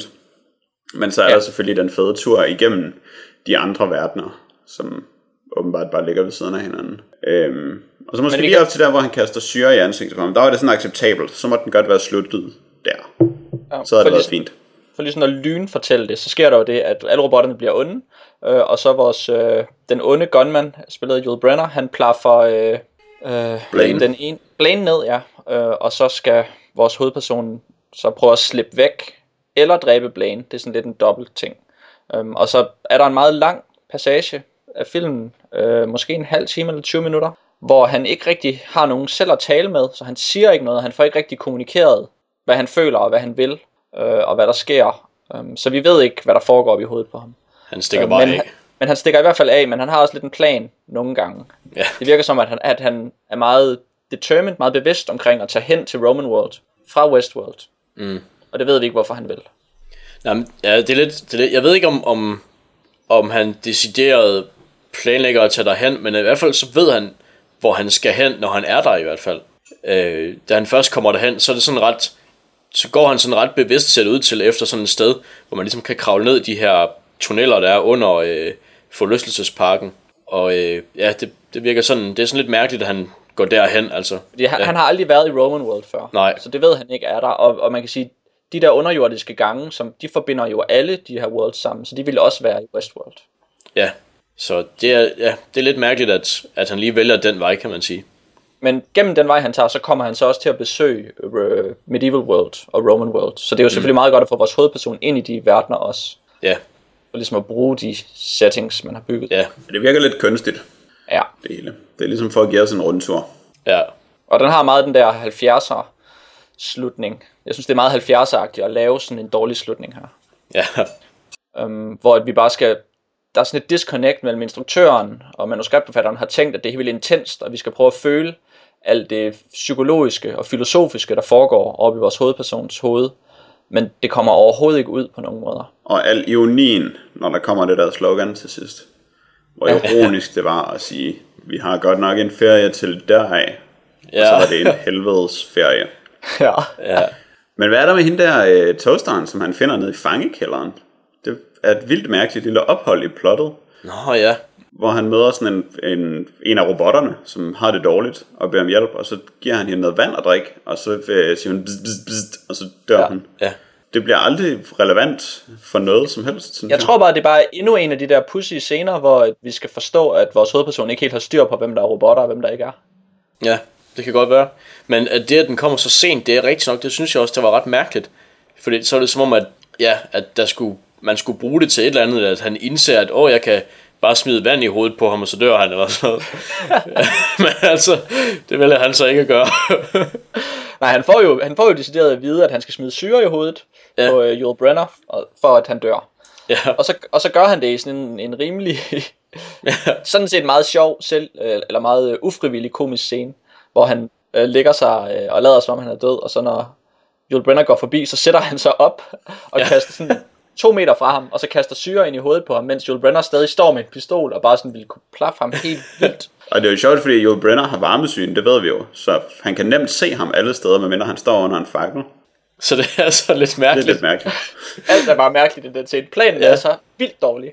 Ja, nej, det er en elendig plan, han har der. Og det er jo så fordi, at, øh, at, jo, at vi får eksemplificeret øh, Joel Brenners syn i nogle ret øh, interessante scener, hvor vi ser hans 2D pixelsyn. Øhm, uden dybde overhovedet. Hans Det lyder virkelig- dårlige syn. Ja, virkelig avanceret. Hvor, jamen, jeg ved ikke, hvor mange, hvor meget, hvad er opløsning taler vi her? Er det sådan 200 gange øh, 150 eller sådan noget? ja, noget den stil, tror jeg. Det tror jeg er for meget. Ja. Jeg tror ikke, øh, der er 100 i højden i hvert fald. Nej, nej, det er der ikke. Det er der ikke. Men jeg, øh, jeg er heller ikke helt sikker på, at hver pixel kun har én farve. Nej, de er lidt øh, nogle snydepixels. ja, Det tror jeg, det er. Det er som om, de mest bare har lavet et grid, og så øh, har vi en fornemmelse af, at der er pixels, fordi at de er øh, isoleret i sådan nogle øh, kvadrater. Ja. Og så gør det åbenbart, at han er i stand til vildt godt at se, hvor folk de er henne i landskabet. Ekstremt godt. Ja. Så det må, ja, det må virke for ham. Men under alle omstændigheder, var, synes jeg, de var fede, de der pixel, øh, pixels. Altså, det jo fedt på sådan en, en vintage science Ja. fiction måde, hvor man ja. Tænker, fnis, sådan troede de teknologi så ud i 73. Ja, Hvor er det nuttet? Og så bliver det selvfølgelig også æstetisk gennem den der nostalgi, der er i det. Eller Ja, det, nostalgi er måske det forkerte ord, men i hvert fald sådan den der retro-følelse giver det en æstetik. Mm. men også bare den der, at man, at man gennem sådan vores menneskelige forståelse af syn, laver et eksempel, som er pixels. Ikke? Mm. Altså, hvor er det, en, det, er jo, det, er jo ikke et, det er jo ikke det samme sanseorgan, vi taler om her. Jeg tror, det er spot on det her. Jeg tror, det er præcis sådan robotter ser. Ja, okay. Ligesom ja, når man ser fluers syn på film, og så er det bare sådan det samme billede en masse gange ved siden af hinanden. det er præcis. Det tror jeg også er spot on. Jeg føler virkelig, at jeg har levet mig ind i øh, en robot-gunslingers liv, efter at Ja, have okay. set de der pixels. Ja, altså det er jo et godt eksempel på, Fedt. fordi man kommer jo ind i hovedet på skurken med de her, ja, øh, ligesom når man, eller i Aliens, ikke? ja. Hvor man også ser aliensynet. Er det ikke i Aliens, man gør det? Øh, Predator. Ikke Predator? Predator, ja, undskyld. Ja, det er jo vildt Og fedt. så kommer man ind i hovedet på skurken, og det er jo en, øh, det er jo en fed oplevelse. Eller Evil Dead, hvor man har det der monstersyn, first person. Ja, generelt det der øh, slæb kameraet hen over skovbunden, kamera, ja. Som er brugt i utroligt mange gyserfilm. Eventuelt med noget øh, tung vejrtrækning henover. det har man så selvfølgelig ikke med en robot. Der har vi ikke. Jeg kan faktisk ikke engang huske, hvad der er lydbilleder om, når vi er inde i hans hoved. Altså jeg forestiller mig sådan noget øh, maskinsummen, men jeg ved Ja. overhovedet ikke, om det var der i virkeligheden, eller om man bare er så vant til, at det er sådan, det lyder, når man ser noget. Ja, Som det kan godt være, det er bare noget, ja, det er noget, man selv bare sidder og siger, når man ser den. Ja, men det gav ham i hvert fald noget, øh, måske noget personlighed. Og så, øh, ja, og så er der showdown på forskellige måder, hvor han til sidst får ham brændt. Ja, til sidst så brænder han, ja. Og så laver han sådan en øh, rigtig bøgemand, hvor skurken faktisk er død, men lige kommer frem og siger, "Åh!" og falder ned og stadig er død. ja. Og så laver han en Burman mere jo. Fordi Han kommer han har brændt med sit ansigt. Ja. Og så siger han, Bøh! og så falder han, og så falder hans ansigt af, fordi han er en robot indenunder. Og så rejser han sig op og siger, Bøh! igen, og så falder han om og dør. Det er sådan en mærkelig dobbelt Burman, hvor man ikke rigtig behøver ja. At gøre noget. Ja. Man bare skal stå og blive forskrækket og vente på det slut. Ja. Og det er fedt, der inde under hans hoved, der var munden skal være, der er der sådan en lille horn. Nå ja, sådan, ja, det er rigtigt, den er vildt fed. Ja. Som om der skal være sådan en lille trompet, trompet, der skal sige, at jeg led det. Blæser hans stemme ud. Det giver virkelig ingen mening. Nej. Herligt. Ja, at, Altså, Det- man, man havde vel højtalere dengang. ja, det tror jeg. Men Jeg tror også, den der lille, den der lille mærkelige trakt, jeg tror den der også, den er på plakaten. ja. Hvor man ser, øh, at underdelen af, af gunslingerens hoved er ligesom fjernet, og så er der sådan noget robot øh, halløj. Det er det, og der kan man jo så stille spørgsmålet, hvor alvorligt den her film egentlig tager sig selv. Fordi der er de her øh, sådan My Name is Nobody-agtige kamp scener øh, Specielt øh, det der øh, værtshus brawl øh, i saloon, saloon slåskampen, hvor der bliver øh, spillet lystig honky tonk, og så løber de rundt og har sådan en rigtig ja, Bud Spencer Terence Hill slåskamp, Ja, det har de bestemt. som ikke rigtig siger så meget. Altså det virker ikke, det udstiller ikke dekadencen i hvert fald, og det, det er ikke det vi- dramatisk. Øh, undskyld, jeg afbryder dig, men det viser, hvor øh, sådan, trygge de er blevet i den verden, de befinder sig i. Hvor, øh, hvor indforstået mm. de er med reglerne for den verden, hvor de bare sådan kan sidde og spille kort, mens der er en slåskamp, fordi de ved, at de er badass, og de ved, at de er robotter, så hvis der er nogen, der vælger så kan de altid bare plaffe dem ned. Øh, og at de bare sådan er helt fortrolige med alt, hvad der foregår i verden, lige inden det hele bryder sammen. Så det laver jo den kontrast. Ja, det er rigtigt nok. Og. Ja. de er, og, de, og man kan se, at her får de den autentiske western-oplevelse. Uden, uden det der filter, at de husker, Ja, øh, at de husker virkeligheden. det er rigtigt. Der, der indulger de rigtig meget i hvert fald. Øhm, Men det er jo også bare meget fjollet det hele. Ja, det, er, det er rigtigt, men, men det er jo også, altså, det er jo også en forlystelsespark, så det, det, er, det er vel altså fjollet på en eller anden måde. Altså, fjolle, fjollet. Sådan en, en anden genre. Ja, ej, jeg ved ikke, jeg synes, det, det, det passer meget godt i den, hvad kan man sige, i den western øh, simulation, som forlystelsesparken gerne vil skabe, altså, hvor de, hvor de ligesom skal opleve de der western staples, altså, der er et horehus, og der er nogle gunslingers, og der er sådan et barslagsmål, fordi sådan er det på, altså på film, ikke? Jo. Så den, den passer meget godt ind i den der øh, forlystelsesparkens, øh, altså slet ikke autentiske måde at, at, at, øh, vise eller give en, en western fornemmelse på. Og så er det jo også, ja, altså volden er jo også kontrast til, at der rent faktisk er en, der dør dagen efter, hvor de, hvor de så møder øh, gunslingeren, der er, der er brudt fri fra ja, hans parametre, eller hvad man skal kalde det. Ja, okay. Men, øh, Men hvad, hvad sker der i øvrigt? Øh, Jeg ved ikke, om, om I lader mærke til det. Jeg kom lige til at tænke på det. det ham der, den, øh, den lille fyr med brillerne, der bliver sheriff. Hvad sker der egentlig med ham? det var faktisk også ham, jeg lige ville have bragt på banen som et eksempel på, at, at, at der er det her fjolle, ja. gakkede øh, sådan humor i filmen, hvor at han er sådan en comic relief i mange situationer, hvor man ser hans akavede måde at, at være en del af Westworld på. Ja. Um, og han går så hen og bliver sheriff, Ja, og er det det- ikke bare det? Jo. Men altså, der er ikke rigtig nogen afslutning på hans historie, er der det? Han dør sikkert. Ja, men jeg tror ikke, man ser det, hvilket egentlig er lidt sjovt. Fordi man er ser rigtigt. øh, de andre fra øh, de andre, man, man øh, sidder i, i færgen med til at starte med, dem ser man da sådan, at der bliver en ende på dem. Mm. Men ham der en lille fyr, det synes jeg egentlig, der er lidt påfaldende, at jeg tror ikke, man ser, at han, at han bukker under. Ja. En spøjs film. Ja, Den minder ikke om særlig meget andet. Så jeg synes, den har sin egen, øh, sin egen fornemmelse. Og det er vel nok også grundet i, at det er en debutfilm. ja, Så den laver også nogle fejl, men fejlene har nogle intentioner, som er reelle. det er rigtigt. Ja, jeg synes, det var meget interessant at se, faktisk. Men altså, der er andre film. Altså, jeg vil hellere se Soylent Green, end jeg vil se Westworld. Jamen, den er, ja. Ja. der er sådan lidt øh, noget, der virker som lidt sådan amatør fodfejl på en eller anden måde i den. For eksempel at tingene de bliver udstillet sådan lidt for tydeligt, og øh, mm. instruktøren er lidt for, øh, og forfatteren er lidt for interesseret i at være sikker på, at vi forstår præcis, hvad alting skal betyde. Ja, Det er sådan lidt for... Der, er lidt for meget øh, kontrol over det hele, og lidt for meget eksponering. ja. Så det virker ret begynderagtigt, øh, hvor det virker ikke som om han helt stoler på sine egne evner, eller på sit projekt, at det kan forklare sig selv. Nej. Så det er lidt ærgerligt. Fordi det betyder, at den får en rigtig dårlig slutning og en forvirrende ja. start. Ja, lidt heavy-handed. Nå, nu synes jeg, vi skal kaste os videre til det næste emne. Pixel TV omtaler sig selv som en tv-station på nettet, øhm, og den er nævnt og omtaler også sig selv som den første danske tv-station, der udelukkende sendte indhold på nettet. Og det den laver er forskellige små tv-formater, magasinprogrammer og nyhedsprogrammer, der omhandler computerspil, øhm, hvor de ser nærmere på for eksempel e-sport eller computerspils nyheder, øhm, og prøve at have interviews med computerspils udviklere, og sådan generelt dække de, den kultur, der er omkring computerspil. Og jeg ved ikke, har I øh, inden i dag, har I så set Pixel TV før? Nej. Mm, nej.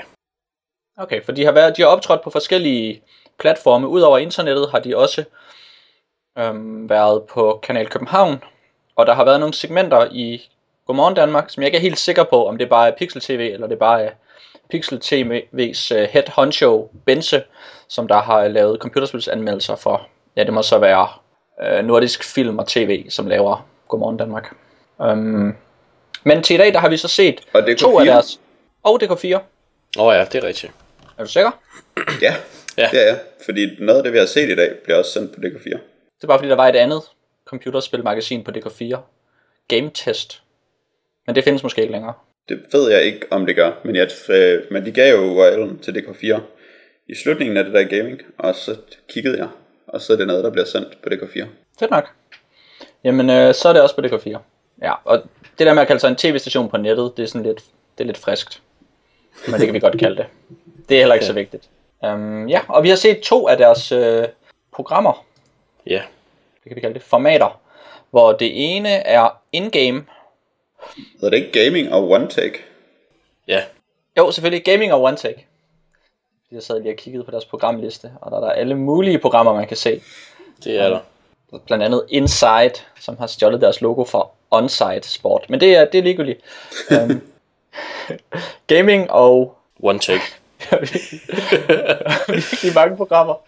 One take er så ikke på den her oversigt, jeg kigger på. Men outtakes er der. Jamen, jeg tror, Men det er er- fordi one take, det er en del af det, der hedder ekstra. Det er rigtigt, ja. Um, deres øh, URL er pixel.tv, um, og deres hjemmeside er, er en lille smule øh, forvirrende. Den er rigtig god til at vise det nyeste og mest interessante indhold, og det er selvfølgelig mm. også det vigtigste. Men hvis man vil prøve at komme lidt bagom og få et overblik over, hvad de egentlig har, og hvornår de udkommer, og hvordan, så, så tager det lige lidt tid at sætte sig ind i. Så det er derfor, at jeg gentagende gange er blevet forvirret, og det er nok også lidt min egen skyld. um, men jeg synes, at vi skal starte med at tale om deres program Gaming, og så kan vi tale om One Take bagefter. Ja. Fordi One Take er lidt, lidt mere løst, og måske lidt sværere at tale om, Ja. når det er Det var løst. gaming nummer 116, skal vi nok lige sige. Det er den, vi har set til i dag. Det er, det er den med Blizzard Activision Special. Ja. Um, som som sagt er en Activision Special. Det starter med sådan en, uh, en ja, generisk uh, 3D-grafik intro, som der virkelig altid er til internet-tv-programmer. Hvis man ser et eller andet fast på YouTube, eller et eller andet, der omhandler computerspil, eller, eller teknologikultur, så skal der være sådan 3D-grafik, helst ikke med teksturer, men bare med lys, og så nogle farver på, og så skal det bevæge sig lidt rundt, og så skal der være noget hip musik, og jeg synes, det er sjovt, at alle laver det på den måde. Men det gør de så også her, og det må jo bare være den måde, man laver en intro til sådan noget på. Der er jo ikke andre, der laver sådan en intro. Jeg tror, øh, at den er så generisk, at jeg slet ikke opdagede, at den var der. Men jeg kan godt se, at du ret i, at det er noget, som alt internet-tv skal have. Det, synes, det har de sgu. Og de har den også, og det, det er fint. Um, og så er det øh, to værter, Rasmus Jacobsen Bur og Anna Fugl, som introducerer os til det her øh, magasinprogram, der omhandler gaming. Og ja, det omhandler gaming på ret mange forskellige måder, fordi det vel anmelder en lille smule, øhm, ko- kommenterer og rapporterer nok mest omkring, hvad der sker i, i spilverdenen. Jeg tror, deres intro øh, tagline er Gaming er programmet, hvor vi giver jer et indblik i den store verden af computerspil. Um, og det her afsnit handler så om Activision, hvor de så ser på Activision mange tiltag, og så ser de på, hvad der kommer til at ske i fremtiden for Activision. Ja. Og forholder sig lidt kritisk til det til sidst. Og det vil sige, de taler om Skylanders, og den hedder Call of Duty Black Ops 2 ret meget. Og så bringer de to interviews fra E3-messen, hvor de har været nede og interview. Og det må så være et stykke tid siden, hvor de har haft det i arkiverne, og så brugt det nu. Har det som det er lidt lang tid siden, der var E E3. Ja, jeg ved, heller ikke, hvor, jeg ved heller ikke, hvor nyt programmet faktisk er. Nå nej, for det var det sidste inden sommerferien. Ja, så, Så, det, jeg er mener, det, ja. Ja, okay. Og der er så sikkert udkommet noget nyere, siden vi optager det her. Men Ja. da vi planlagde det her program, så var det det nyeste gaming. Ja. Det skulle jeg mene, ja. Men det virker som om, at de godt kunne have en masse, en masse arkivmateriale, eller en masse øh, reportager fra E3, som de så bruger løbende. Ja, jeg, jeg tror, de, de øh, i gaming-serien, så er det mit indtryk, at de har øh, et E3-fokus, og så et, øh, et øh, produktionsselskabsfokus, og så siger de så sådan og sådan i forhold til E3 med, med de her spil og sådan noget. Så der er en nyhed, som de baserer, hvad skal man sige, øh, ind, indbliks segmentet på. Og nyheden er, At der kommer en ny Skyland også, og en ny Call of Duty Modern Ops War 2. ja, Black Oops. ja, det er for svært med dem der. En ny Call of Duty. Ja. Der kommer en duty hver år, og det her det er den nye duty. Det er Og så kommer der en Skylander Giants. Jeg kender slet ikke Skylander, men øh, det får man jo så beskrevet i Pixel TV Gaming. Um, og det har noget med Spyro at gøre, på en eller anden måde, som jeg jo godt kender. Ja, det er jo sådan et spin-off fra Spyro-spillene, som vist egentlig ikke har særlig meget med Spyro-spillene at gøre, andet end Spyro er med. Jamen, jeg, altså man har jo ikke engang brugt det til at... Jeg tror måske den første Skylanders hed et eller andet med Spyro's something or other. Ja, Men Ja, han er jo bare en blandt mange Skylander. okay.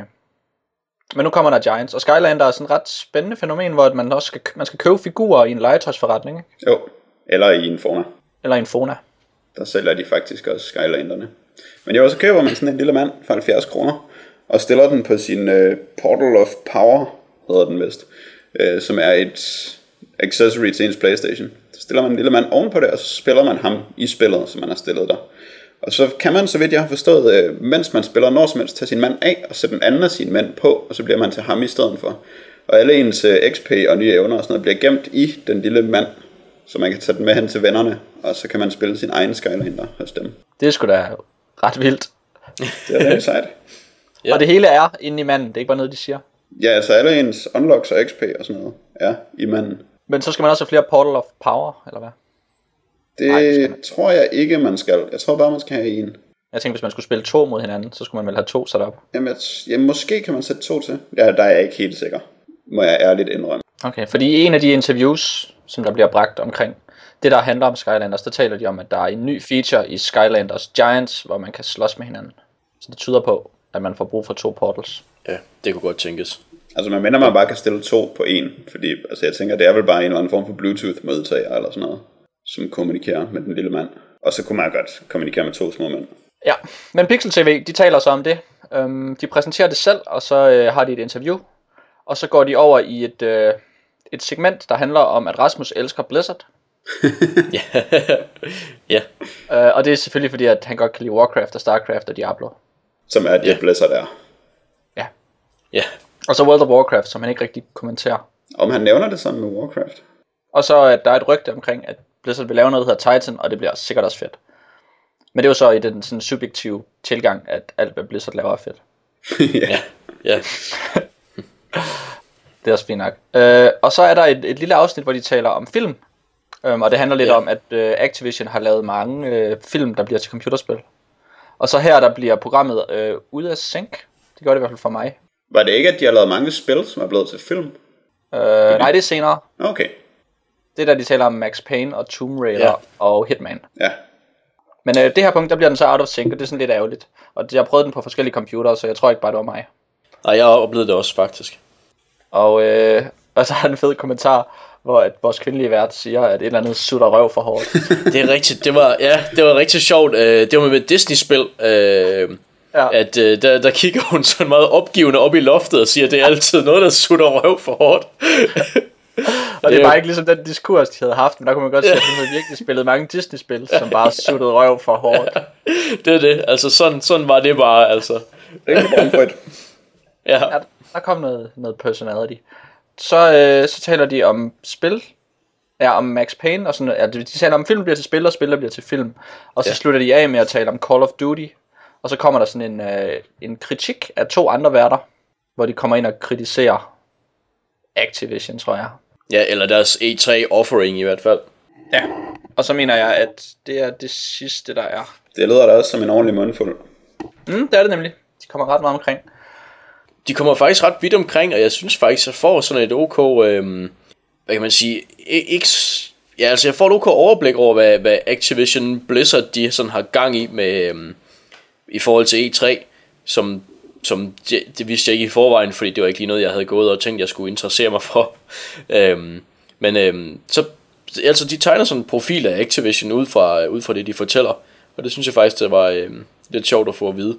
Og øhm, ja, altså så, så har de også nogle subjektive ting på vejen, der ligesom siger, at ja, der er nogle spil, som de ikke synes, der er særlig fede. Øh, og de synes måske, jeg tror det er Thomas Bauer, der siger, at han synes, de har været lidt slemme af Activision Blizzard til at, øhm, til at lave de her øhm, filmbaserede computerspil, der ikke, øh, ja, der ikke er særlig gode.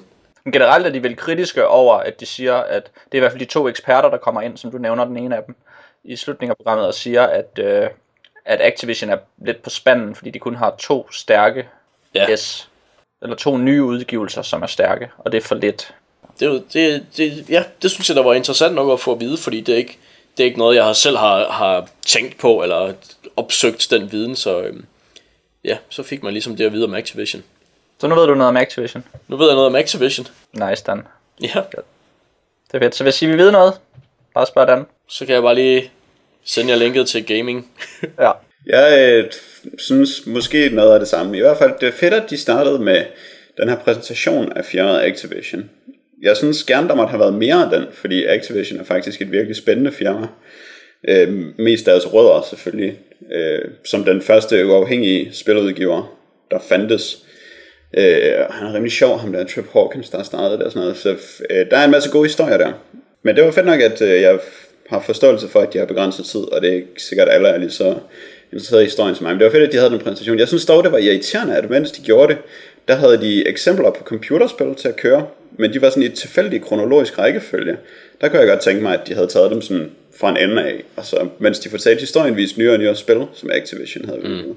Ja, der lavede de den, øh, hvor de begynder at tale om Activision fra 80'erne, og implicit det, de laver for Atari, og så er der dækbilleder, der er Call of Duty fra 2002. For eksempel. Ja, Og så springer de sådan tilbage til Quake og frem til nye ting og sådan noget.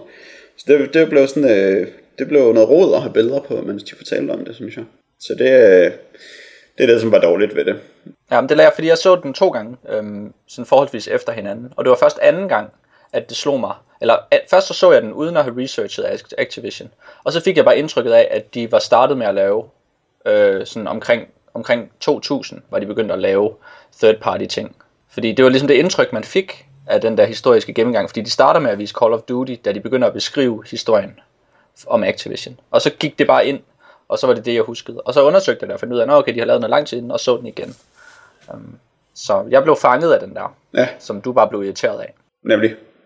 Jeg havde jeg kendt så til øh, Activisions historie på forhånd. Så jeg kunne godt se, at der var noget galt. Så det, øh, det irriterede mig lidt. Hvordan er det? Skal jeg kun tale om Activision-segmentet lige nu? Ej, vi taler bare om det hele. Okay, fordi øh, som jeg også lidt var inde på med, at værterne de virkede meget indstuderet, sådan rimelig meget af tiden. Som om de meget havde planlagt, hvad det var, de skulle sige.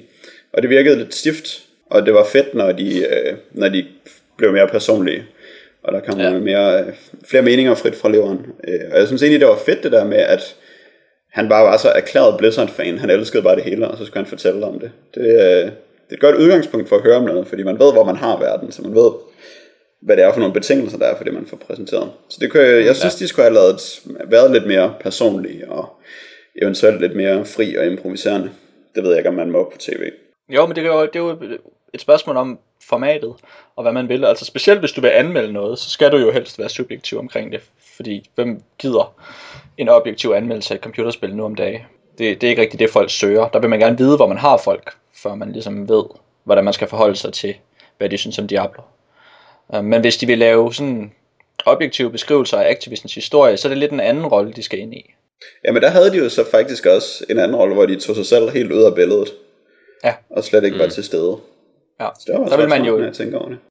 Øhm, men jeg, altså, jeg synes, det var lidt øh, for stift meget af tiden, når de talte om ting. Noget, som øh, måske kommer som en stor overraskelse for alle, er, at jeg faktisk fik lidt lyst til at spille det der Call of Duty, da produceren fortalte om det. Men han skal selvfølgelig også få det til at lyde fedt. Men det virkede sjovt at Ja. øh, snipe folk. så det fik jeg lidt lyst til. Sådan lidt nervøs for, om det, bare, om det hele bare ville være mikrofonholderi. Ja, Øhm, i, lige omkring det der, det første segment, hvor de taler med en, der, øh, der prøver at sælge Skylanders til os, der var det sådan lidt, ja okay, nu, nu, nu, nu holder de bare mikrofonen for ham, og så taler han om Skylanders, og så slutter det segment, og så var der ikke nogen kritisk kommentar til det. Og så kommer det næste, hvor de begynder at tale om Black Ops, og så tænker jeg, nu er det altså for galt, nu må der være nogen, der, øh, der tager fat i det. Og så slutter det segment så, og så bliver det taget over af øh, Bav og Bense, som der så er kritiske omkring det hele. Og det var rigtig ja. vigtigt for, øh, for at kunne bringe den slags interviews. Altså hvor ja. der er ikke nogen, der stiller kritiske spørgsmål, men de får bare lov til at sige, hvad var det, de sagde om Skylanders? Det var et eller andet med, at det var det bedste Ah, okay, det kan jeg ikke huske. Men et eller andet med, at det var det bedste i hele verden af en eller anden slags. hvor man sådan, nå, okay. Sådan, okay, fedt nok. et, et eller andet med legetøj og, og fortællinger eller sådan noget. Mm. Som er lige lovligt flyvsk, og hvor man som interviewer godt kunne være kritisk. Men det er rigtigt, at det bliver så, der bliver så nogle kommentarer til det bagefter. Det er bestemt også vigtigt, at de var der, det synes jeg også. Men det er jo faktisk et format, det her program gaming, som gaber om ret meget, ikke? Altså, når man tænker på, hvad det egentlig er, så er der virkelig meget i det. Og der er mange forskellige genrer, journalistiske genrer, som de bruger. Ja. Um, i de der roller, de skal have, og med eksperter, der kommer ind og interviews udefra. Og det virker som rigtig meget. Det, det, jeg synes, det er svært at, at have overblik over og ligesom indfange det. Jamen, det kommer også til at virke øh, forhastet nogle gange, som om det er nogle meget hurtige oplysninger, man får, og så skal man videre til noget andet. For eksempel et oplæg til de der interviews, kunne man godt gøre lidt mere ud af. Eksempelvis. Så det er ikke bare, bum, nu kommer der et interview fra en anden tid og sådan noget. Ja. Ja, ja, så der er lidt mere introduktion til, hvad, hvad der skal foregå, altså. Mm. Det vil måske, det vil måske være, give en lidt mere blid øh, overgang til det. Det er det. Men det er faktisk sjovt, du siger det der med Call of Duty. Jeg sad og så den sammen med min kæreste, og hun sagde, åh, det ser fedt ud, det vil jeg også spille. Sejt. Så han sælger det rimelig godt, ham der manden, der skal sælge det. Det tror jeg, ja.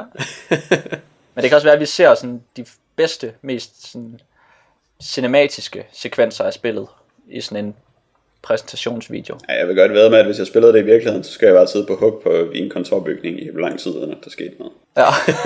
det gør du nok til daglig, så det gider du ikke. ja, hver gang dit uh, LAN-kabel ryger ud, så er det Jack, der skal om at sidde på hug. ja. Jeg kan også bare sidde på hug og vente på, at LAN-kablet ryger ud, så jeg kan sætte den igen. ja. Så du ligesom kan komme ind i den der moderne gameplay-rolle.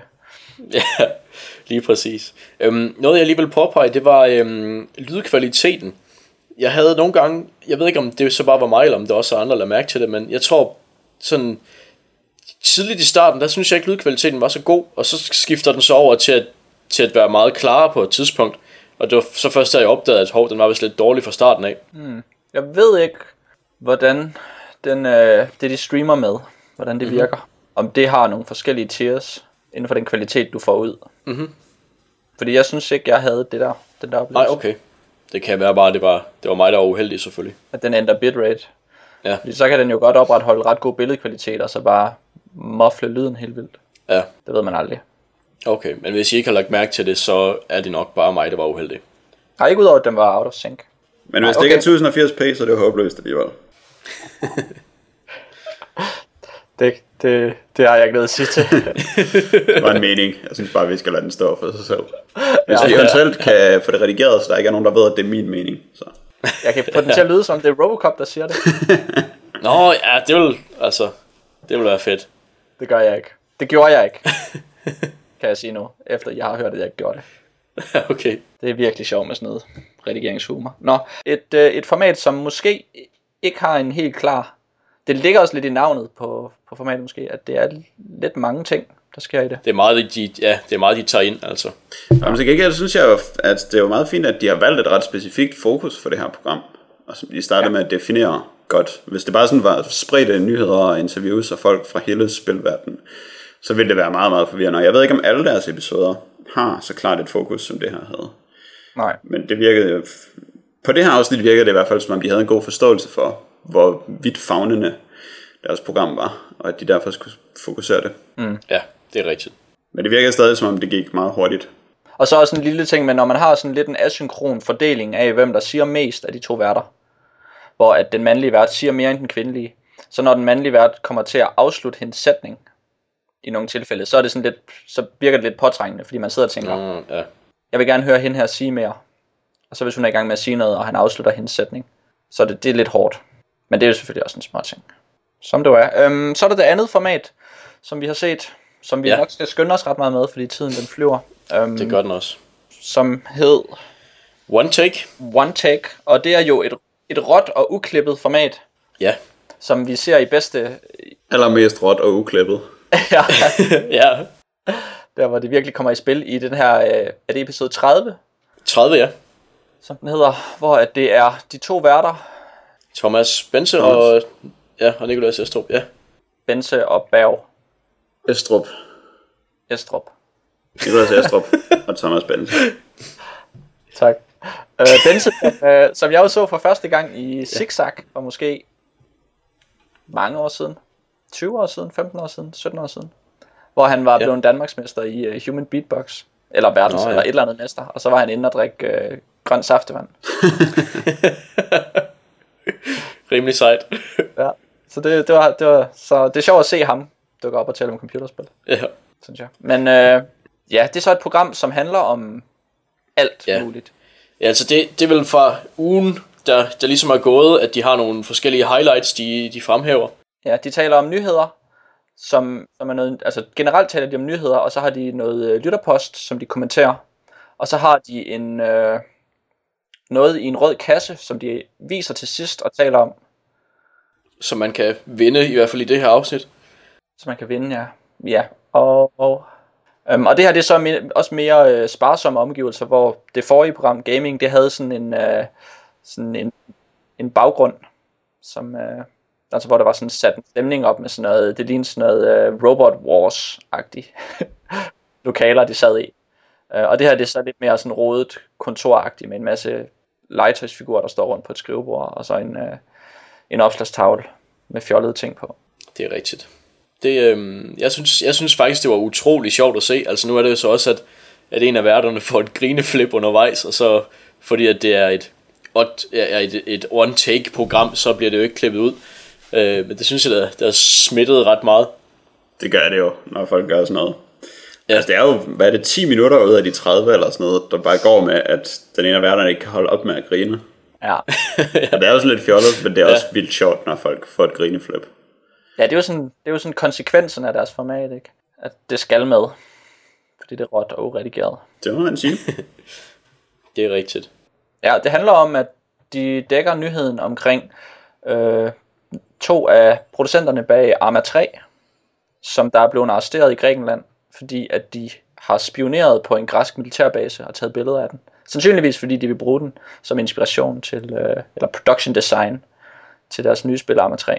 Og så viser det sig, at den græske ø, det foregår på, hed Lemnos. Lemnos. Lemnos. Ja. Og det er så sjovt, fordi det lyder som lem og nosser på samme tid. Ja.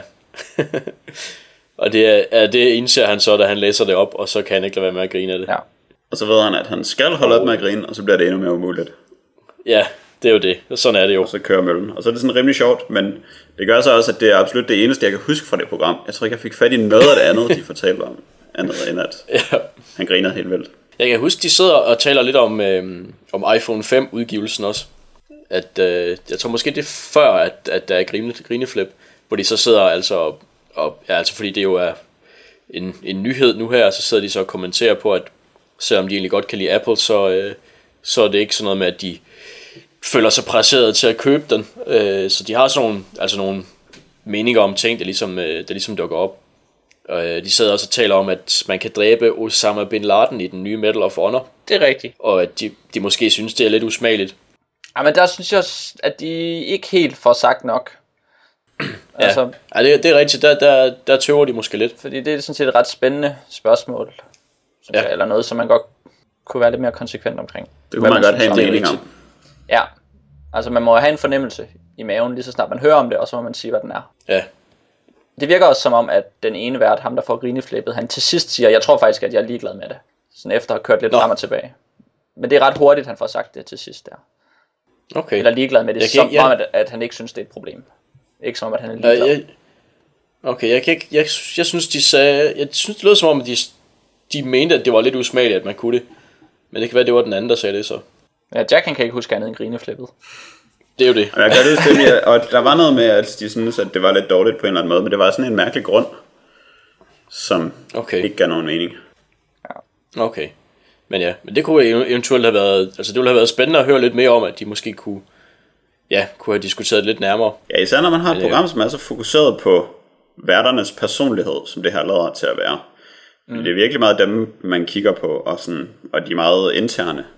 Så det vil være rart at høre lidt mere om, hvad de synes, og hvad de mente om ting.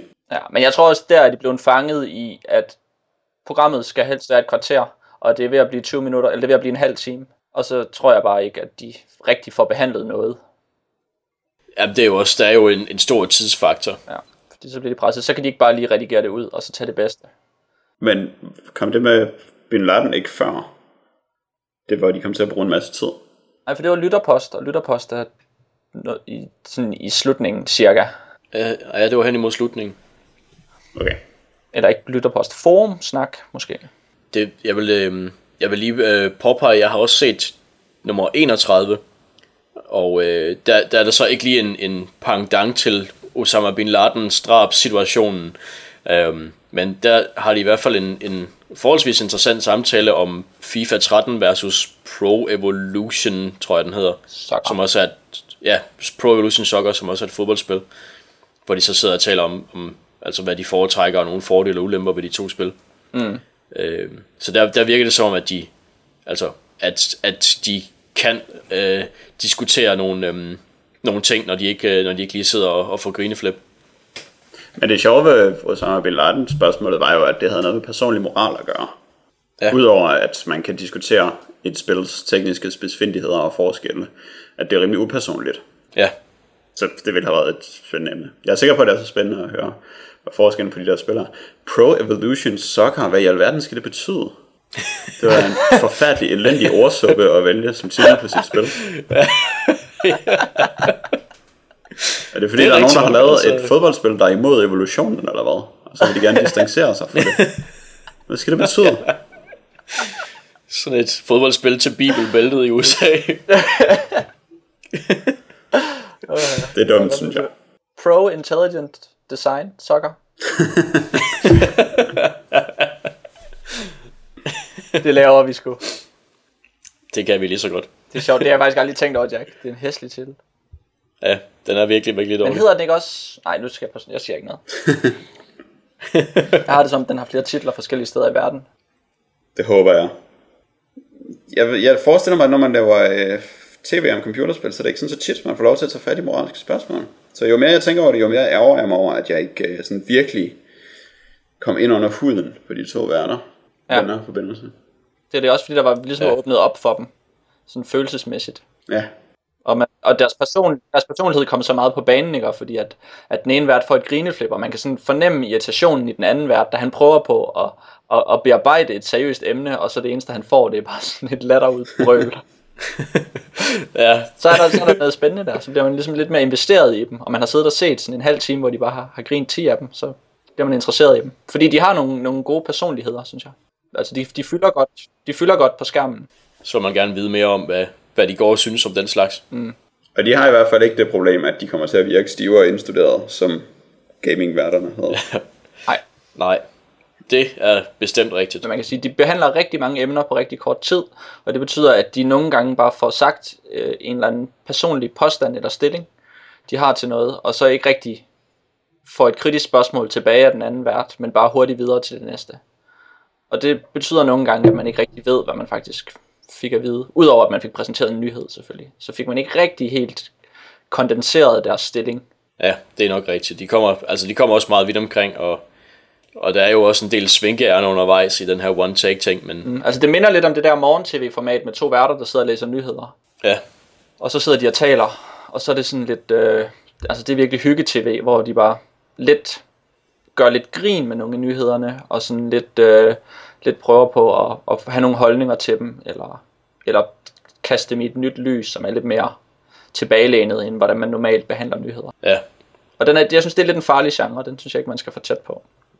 Så brænder man sig. Nej, det kan godt, ja, det kan godt blive lidt for, lidt for meget tomgang, men jeg synes, i begge af- afsnit, jeg har set her, så har, det, så har jeg været godt underholdt i hvert fald, fordi de har været meget øhm, skægge i deres udtryk. Og øhm, ja, altså så jeg går ud fra, at det heller ikke er meningen, at det skal være et utroligt seriøst program, det her One Take. Nej, det ved jeg ikke. Altså det er jo et nyhedsprogram. Ja, Altså det, det de siger er vel rigtigt. Så på den måde er det vel seriøst. ja, men altså, det, det er måske lidt en, en meget bred definition af seriøs. Altså, jeg tror, at i og med, at de sådan, den måde, de ligesom behandler de her nyheder på, altså, jeg synes måske ikke, at den der morgen-tv, øhm, hvad hedder det, sammenligning, den er helt forkert. Jeg synes bare, at det her det er meget mere underholdende end morgen-tv.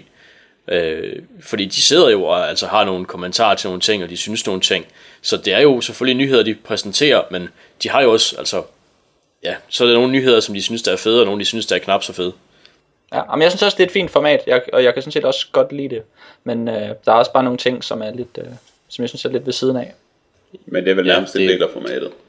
Ja, det er det. Ja, Det er det bedste og det dårligste ved one take, råt, uklippet. ja det er jo det.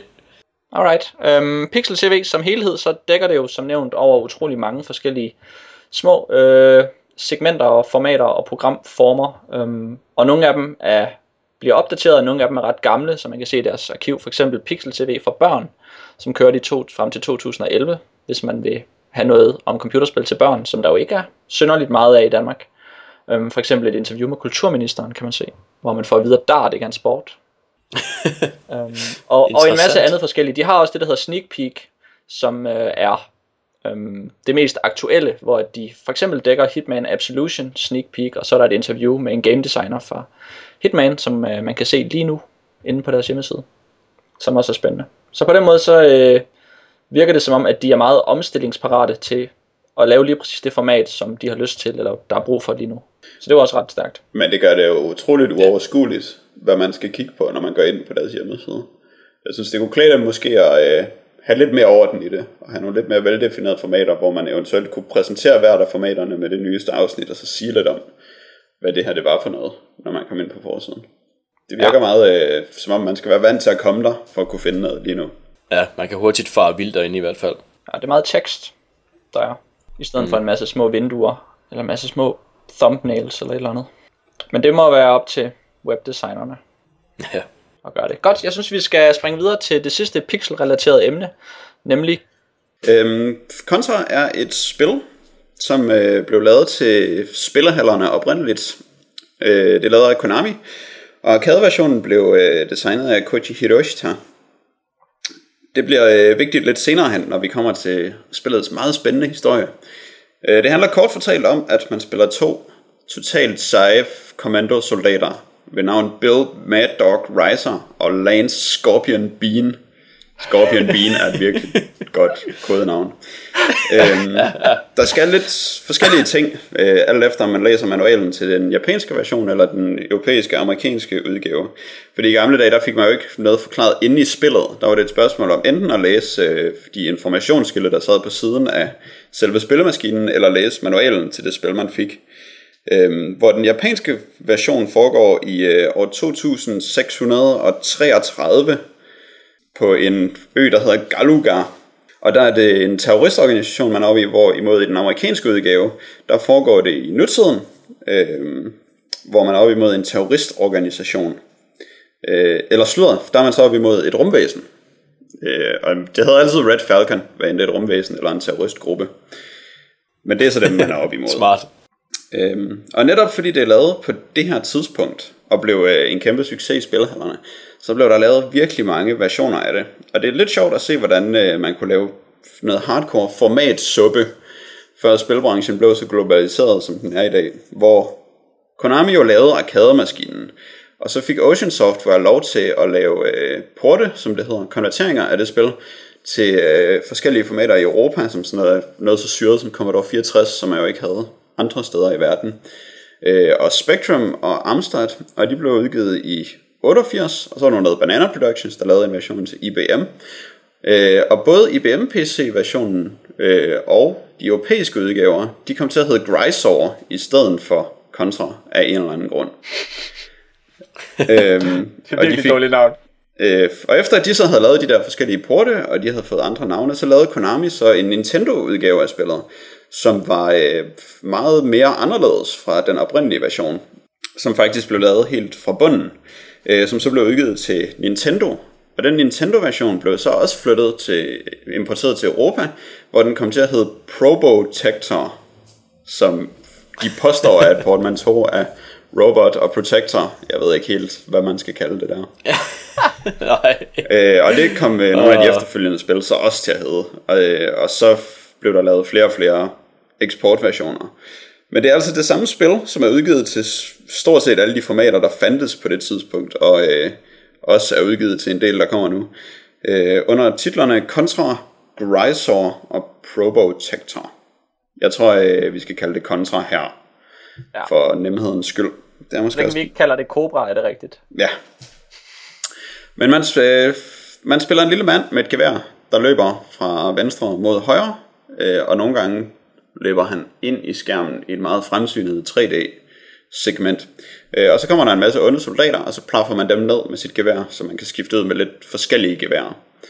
Øh, når man så er løbet igennem en bane øh, fra venstre til højre, så kommer der en ond base, som har nogle kanoner, som man skyder hul på, og så kommer man ind i basen, og så skifter den til noget pseudo 3D, hvor man ser sin mand bagfra, og så løber man fremad. Og i arcade-versionen, som vi har spillet, der øh, er det et labyrintisk kort, det vil sige, at nogle gange så skal man gå til højre for enden af en gang, og nogle gange skal man gå til venstre. Men man har et kort over det, og der er altid kun én vej, man kan vælge, så det var, jeg ved ikke helt, om jeg synes, det er så labyrintisk. Øh, men så løber man igennem det og når ind til en, øh, et boss-segment, der er ligesom de fleste andre boss-segmenter, så langt som jeg er nede i hvert fald, øh, mest er nogle ting, der tårner sig op over en, og så skal man løbe ned på jorden og skyde op på dem, og undgå at blive ramt af de skud, der regner ned. Og så er det jo kendt for at være et meget svært spil, hvad de fleste øh, spillerhalsspil jo var, fordi de skulle klemme flere penge ud af folk. Og det synes jeg sådan set er rigtigt nok. Jeg er ikke noget specielt langt i det, og det har åbenbart sådan en mærkelig begrænsning, hvor man kan blive game over, selvom man har putter, flere penge i, så man er nødt til at starte. Ja. forfra igen. Så Er det fem credits, man kun kan bruge? det er noget af den stil måske. Ja. Det virker ikke som særlig meget i hvert fald. Det synes jeg så er utrolig fedt, men det kan vi til at tale om senere. Så det er meget svært, og, det er, øh, og der er også et meget stort nostalgi-element, især for øh, et amerikansk publikum, som spillede den på Nintendo. Der er sådan en hel kamp mellem de to formater. Men vi har spillet arcade-versionen, og har I haft det sjovt med det? Ja, Ja, faktisk ja. haft det mega sjovt. Fedt nok. Hvorfor er det sjovt? Um, jeg vil lige starte med at sige, du siger, at man er en meget lille mand, men er sådan set en medium til måske lidt stor mand, hvis vi ser på andre spil. Ja, jeg havde håbet på bare at kalde en for en lille mand, ikke meget lille. Okay. Men sådan, Men det er rigtigt, i arcade-versionen, der var man en, en okay høj mand. altså man er vel Ja. en tredjedel til en fjerdedel af, af skærmhøjden. Høj er man ikke? Nej, det er man. Nej, det, pa- det kommer ikke helt så til at passe, men mest fordi skærmen er så høj, som den er. Den er ligesom øh, vertikalt orienteret. Ja, sådan er fire Det er rigtigt. eller sådan noget. Billedet er højere, end det er bredt, hvilket er lidt ja. utraditionelt nu om dagen. Mm. Ja. Det er rigtigt. Men altså, jeg kunne rigtig godt lide det. Jeg kan godt lide at spille den slags veldesignede arkadespil, som er svære. Fordi at der er en belønning i at blive god til dem. Ikke ligesom andre spil, hvor belønningen bare er, at man hele tiden skal lære ting. Og, og at spillet bliver uretfærdigt svært på nogle punkter. Og her der kunne jeg mærke, at jo mere jeg spillede det, jeg, jeg kom hele tiden længere og længere, og jeg fik hele tiden højere og højere high score. Og det var fedt. Så havde jeg lyst til at blive ved med at spille det, og få højere high score og komme lidt længere. Ja, samme her. Jeg synes også, man mærker, at man, man bliver god til det, og man lærer, øh, ja, altså lærer at undgå nogle skud, og lærer at skyde lidt hurtigere og alt det der, og det er sådan set ret fedt. Og den der Så sådan, finder man en masse...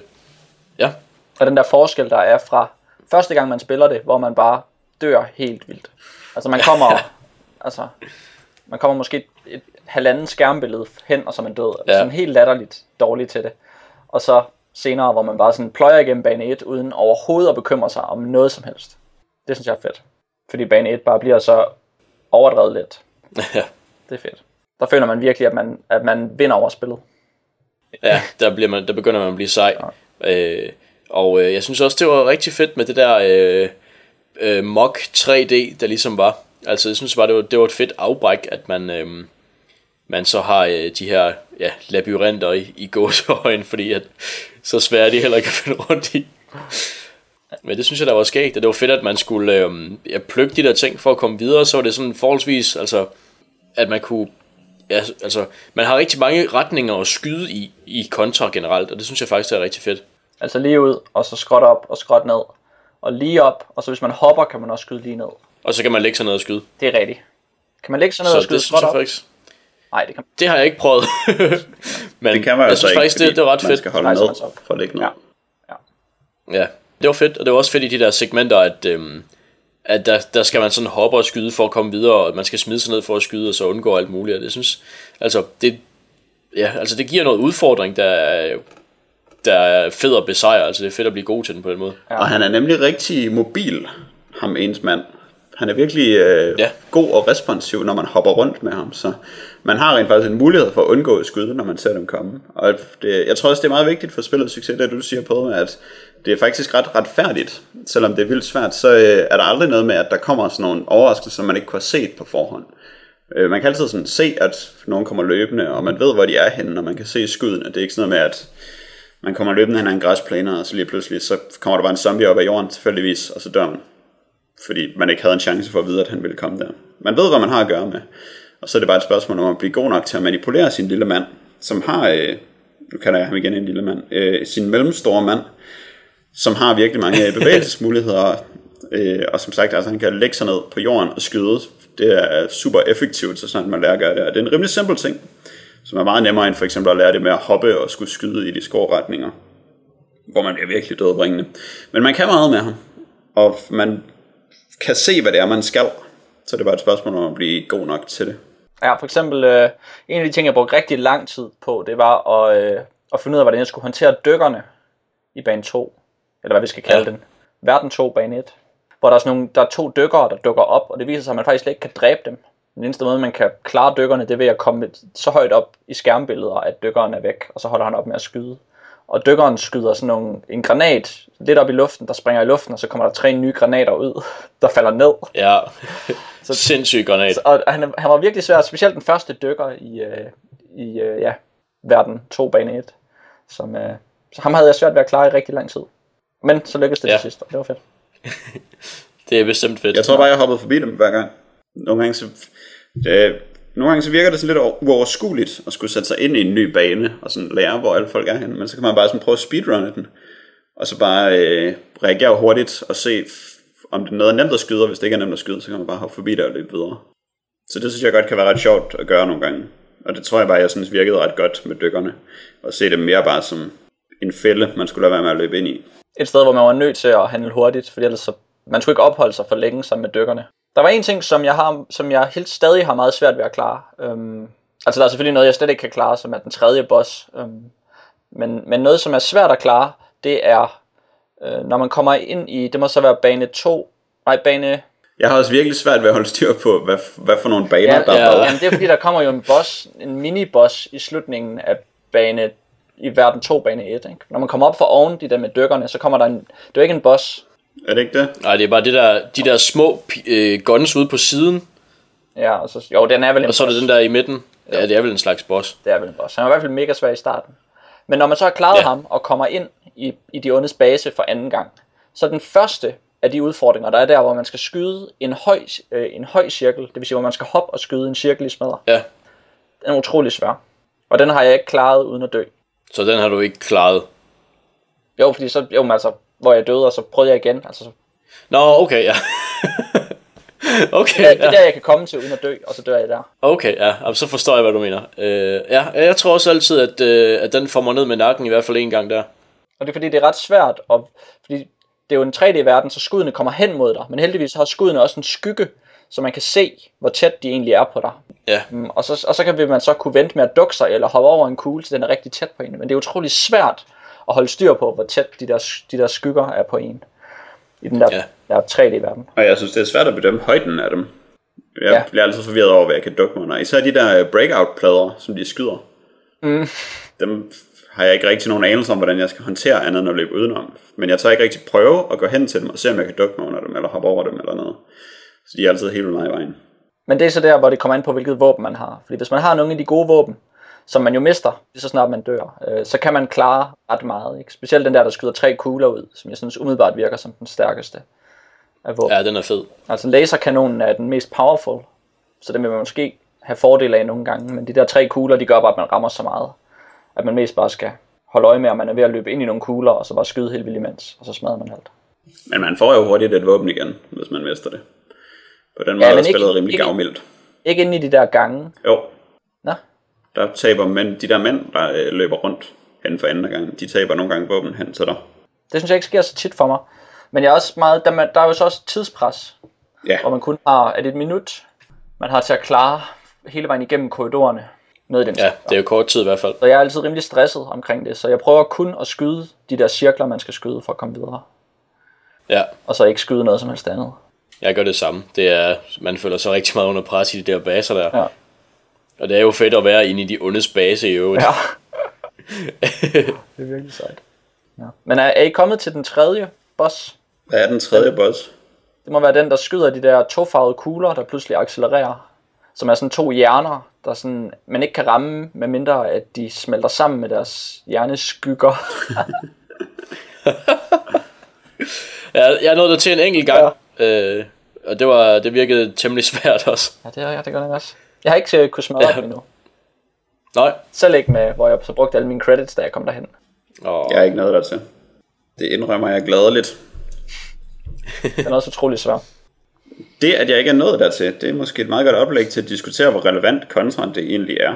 Mm-hmm. Fordi, jo, det var sjovt at prøve det, men lige nu, der sidder jeg ikke og føler en brændende trang til at gå tilbage og spille mere contra, indtil jeg kan gennemføre det. Hvad nu, hvis du ville uh, slå en eller andens high score? Så vil jeg nok måske godt spille det. Men jeg har lidt svært ved at for... Hvad, hvad, hvad, okay, mal et billede for mig her. Hvad er det for en situation? Hvem er det, jeg står overfor? Du får en, uh, du får en, en gammeldags isvaffel med tre kugler og skum, hvis du får mere end 160.000. Ja, okay, det lyder selvfølgelig rimelig godt. Ja. Det, det er min high score. Okay. Er, er det sådan en rigtig udfordring? Ja? Ja, ja. Fordi så tror jeg, vi er nødt til at holde op med at optage, jeg har noget, jeg skal. Ja. Men, uh, vi har faktisk også optaget to timer, og vi har lytterpost. Ej, det var pokkers. Så vi når slet ikke at tale om nostalgi i forbindelse med det her spil. Vi kan, nej, vi kan lige... Det er implicit. De fanger det. Ja, okay. Ja, ja. Jamen, det kan jeg godt se. Hvis Lad os- vi har talt så længe, så skal vi holde op med at tale. Det er vi nødt til. Um, så vil jeg lige, inden vi taler lytterpost, uh, igen nævne, at vi er nomineret til European Podcast Award, hvilket jo er awesome, fordi den vil vi gerne vinde. Fordi man kan, hvad er det, man kan vinde, Dan? Kan du huske det? Man kan vinde noget fedt recording udstyr, tror jeg. Ah, okay. De havde ellers en sjov formulering på hjemmesiden, hvor det var ikke specifikt. Jeg synes heller ikke, jeg var så specifik. Okay. Me- mere vag. Okay, Kan, kan du bare sige det mere vagt? man kan vinde noget rimelig fedt. Ja, nice. Um, og, og det vil vi gerne, vi vil også bare gerne. Det ved jeg ikke, det er bare sjovt, ikke? Sådan noget med priser. Ja. Um, og, men man, man skal have folk til at klikke på et link og stemme, så man kan se inde på DDKK podcast, hvor der er et link til det. Og det vil vi gerne have folk til, men vi ved ikke rigtig, hvordan vi skal gribe det an, og vi ved ikke, hvordan vi skal reklamere med os selv, og vi er generelt rigtig dårlige til at reklamere for os selv. Så vi tænker, at øh, hvis der er nogen øh, aspirerende marketing-moguler, der sidder derude og øh, har en plan til, hvordan vi skal, vi skal tage de sociale medier og øh, podcast-communityet og hele verden med storm. Så prøv at sk- skrive et forslag, stort eller lille, godt eller dårligt, så er jeg næsten sikker på, at vi forsøger det på den ene eller den anden måde. Vi har i hvert fald ikke selv nogen idéer, kan man Det sige. er det. Og hvis jeg har lyst til at være vildt irriterende og så finde på noget næstvist og få os til at gøre noget dumt, så er det lige før det også kan lykkes. Har jeg på fornemmelse. Ja, det er der en god chance for, tror jeg faktisk. Ja. Um, så det kunne være fedt, hvis der er nogen, der har nogle idéer. Ellers så finder vi måske selv på noget, men det bliver rigtig dårligt, og øh, så vil alle lyttere være lidt skyldige i vores, øh, Ja. vores katastrofe. Er det for hårdt malet op? Nej, det var øh, Det perfekt. hele er sagt tongue in cheek. uh, men lytterpost har vi. Det har vi. Uh, Tobias Holst, han har skrevet til verdens mest elendige e-mailadresse, at ddkkpodcast.dk. Og det, det har vi jo. Det kan vi lige så godt indrømme. Så, Overskriften er, at man kan ikke have én Dagon i en brønd. Og breder leder. Dagon er en great old one, og der findes ikke to af ham på. Men hej podcast, og tak for et fabelagtigt afsnit 55. Det var jeg rigtig glad for, mest fordi I snakkede så meget om Faster Pussycat Kill Kill. I gav mig virkelig lyst til at se den, og jeg synes det lyder som en rigtig spændende og interessant film. Lidt apropos er der road movie tema i Cinemateket i næste måned, og det har jeg tænkt mig at benytte mig af, og vil da lige anbefale jer at gøre det samme. Der er for eksempel hele to film med mænd i slangeskensjakker. Lugter jeg et nyt podcast tema? Det tror jeg da bestemt. Jeg elskede udråbet fra Clerks, men vil lige rette en smule. Det er to forskellige kunder, I taler om. Den ene køber blære inde i butikken, da Dante og Randall taler om det, og kommenterer det med in a row. Manden med avisen står bare og glor udenfor. Kan I egentlig lide Clerks? Jeg mener at mindes, at Kevin Smith er i unåde. Nå, men tak for nu. Jeg har ingen udråb. Hilsen Tobias. Og så er der et PS i en separat e-mail. Hvordan kan det være, at I altid siger en og den om computerspil, i stedet for et og det? En computerspil. Kom, Computerspil. computerspillen. Ja, jeg forstår heller ikke helt, hvad det er, han refererer til der. Jeg vil godt lige at se det i kontekst. Altså man, ja, den Fordi er god. jeg tror, der er mest, vi taler om et spil. Det håber jeg. Jeg tror, tit, tit siger jeg et spil i hvert fald. Jeg håber, at det viser sig, at vi altid har sagt en spil. Et spil. Spillen. Øh, ja, det, er- det er da sjovt. Nå, men øh, jeg har noget, som jeg i hvert fald skal stå til ansvars for. Øh, en Dagon, ja. Der er en Dagon i en brønd. Dagon. øhm. det er rigtigt nok. Ja. Han har vel ret. Det var, det, var, det var naturligvis, fordi du refererede til, at det var en version af Dagon, fordi den ikke er beskrevet, som det Lovecraft beskriver den. Ja, det tror jeg, du har ret i. Det tror jeg Men også. det er godt lige at få sat øh, sådan nogle ting på plads. Ja, Fordi ellers ja. Så slipper vi for let afsted med sådan noget. det Det er gør vi. rigtigt. Øh, Clerks, der huskede jeg også forkert. Men nu hvor øh, han siger det, så, øh, så er det rigtigt. Det kan jeg også godt huske. At det er en af de mange fantastiske kunder i den fantastiske film Clerks. Den er rigtig god. Ja, Det var en film, der jeg virkelig, øh, virkelig er glad for, kan ja. jeg sige. Og bare fordi man har lavet en god film, så kan man sagtens falde i unåde. Så skal bare give sig selv at lave dårlige film bagefter. For eksempel. Det har ikke været godt siden uh, Chasing Amy, kan man for eksempel sige. Der er nogen, der godt kan lide Dogma. Og der, er- det er nok der, hvor man kan falde i unåde, hvis man ikke kan lide den, og mange kan lide den. Men ellers så tror jeg, der er ret meget konsensus om, at i hvert fald efter Dogma blev det rigtig dårligt. Er nogen, der kan lide Jersey ja Girl? det har ikke været. Nej, Det tror jeg ikke, der er i verden. det er der ikke. Altså, den er noget, men den er ikke god. Ja, Men er sammenlignet med andre film i den genre, sådan Jennifer Lopez film, komedier. ja. Genren Jennifer Lopez. Ja, ja. sammenlignet der med... står den sådan ret sammenlignet, stærkt. ja, det er nok rigtigt nok. Men øh, og, altså, og så er han jo også lidt, måske lidt blevet en idiot, Kevin Smith. Jeg har det lidt hårdt med at have en signeret Kevin Smith-plakat i min stue i hvert fald. Det er ikke let, kan jeg godt sige. Ja. Jeg har det lidt hårdt med, at han har lavet det Batman, han har lavet. Jeg, jeg tror knap nok, jeg har en mening om Kevin Smith. Han har lavet nogle gode film engang. Og nu, øh, nu synes jeg ikke så meget om ham, tror jeg. Men jeg ser heller ikke hans nye film. Jeg læser ikke hans tegneserier, hvis jeg kan blive fri. Og jeg har set alt, hvad han har lavet. Og jeg mener, at det er dårligt. Jeg ved ikke, om jeg... Nej, jeg har ikke set Strikes Back. Har du set Red State? Ja. Okay, den er også dårlig. Um, du kan se en, en, øh, et afsnit af DDKK podcast, hvis du går ind på ddkkpodcast.dk, og så øh, går helt ned i bunden, du kan eventuelt trykke End på dit keyboard, så slipper du for at scrolle ja. Ja. så langt, og så kan du se alle de tags, der er blevet øh, lavet, og så finder du Red State som tag der, og så kan du Ja. faktisk høre mig tale om det i runden. Åh, oh, nice. Mhm. Mm-hmm. Ja, det skal jeg lige huske, den skal jeg lige skrive ned, den adresse. Det skal du overveje. Var der flere punkter i, i posten? Nej. Jo, altså, der er road movie tema i sin Ah, ja. Det lyder som øh, Nicolas Cage i Slangeskins jakke, i hvert fald. Og en Det kunne man forestille sig. Der er kun en måde at finde ud af, hvem det er på. Det er at se alle road movie filmene på Cinemateket. Jeg tror, vi har talt om den anden i DDKK podcast. Uh, uh. Men vi har bare ikke slangeskins jakke som tag, og det er jo en tydelig fejl nu. Det kan jeg godt se. Men uh, tak for post, Tobias. Godt at høre fra dig. Og så er det godt Ja. at uh, lige få sat sådan nogle ting på plads, som uh, Dagons. Og en pod eller en computerspil. Ja, ja, ja. Hvis der er andre, der har oplevet den, uh, den fejl, så skal de endelig skrive ind. Det kunne være fedt. Virkelig fedt. Uh, Dan, Ja, vil du tage os mod enden? det vil jeg godt. Øhm, vi er jo vilde med at få påpeget vores fejl. og vi er også vilde med at få påpeget, hvordan vi skal gøre reklame for, at man skal stemme, øh, stemme på os. Øh, vi er jo generelt bare vilde med at få post. Så øh, hvis man nu har lyst til at skrive til os med ris og ros, så synes jeg, at man skal skrive til drengene i marketing, snabelag, ddkkpodcast.dk. Og det er i et ord. Det er et ord. Tak skal du have, Dan. Um, det betyder, at det i dag er ikke tirsdag, men onsdag den 10. oktober, for vi har jo flyttet øh, udgivelsesdagen en dag. Ja, Um, det har folk nok fundet ud af. Men sådan er det stadig, og sådan bliver det også for fremtiden. Og det betyder, at vi er tilbage igen om 14 dage, og det er den 24. oktober 2012. Farvel og tak.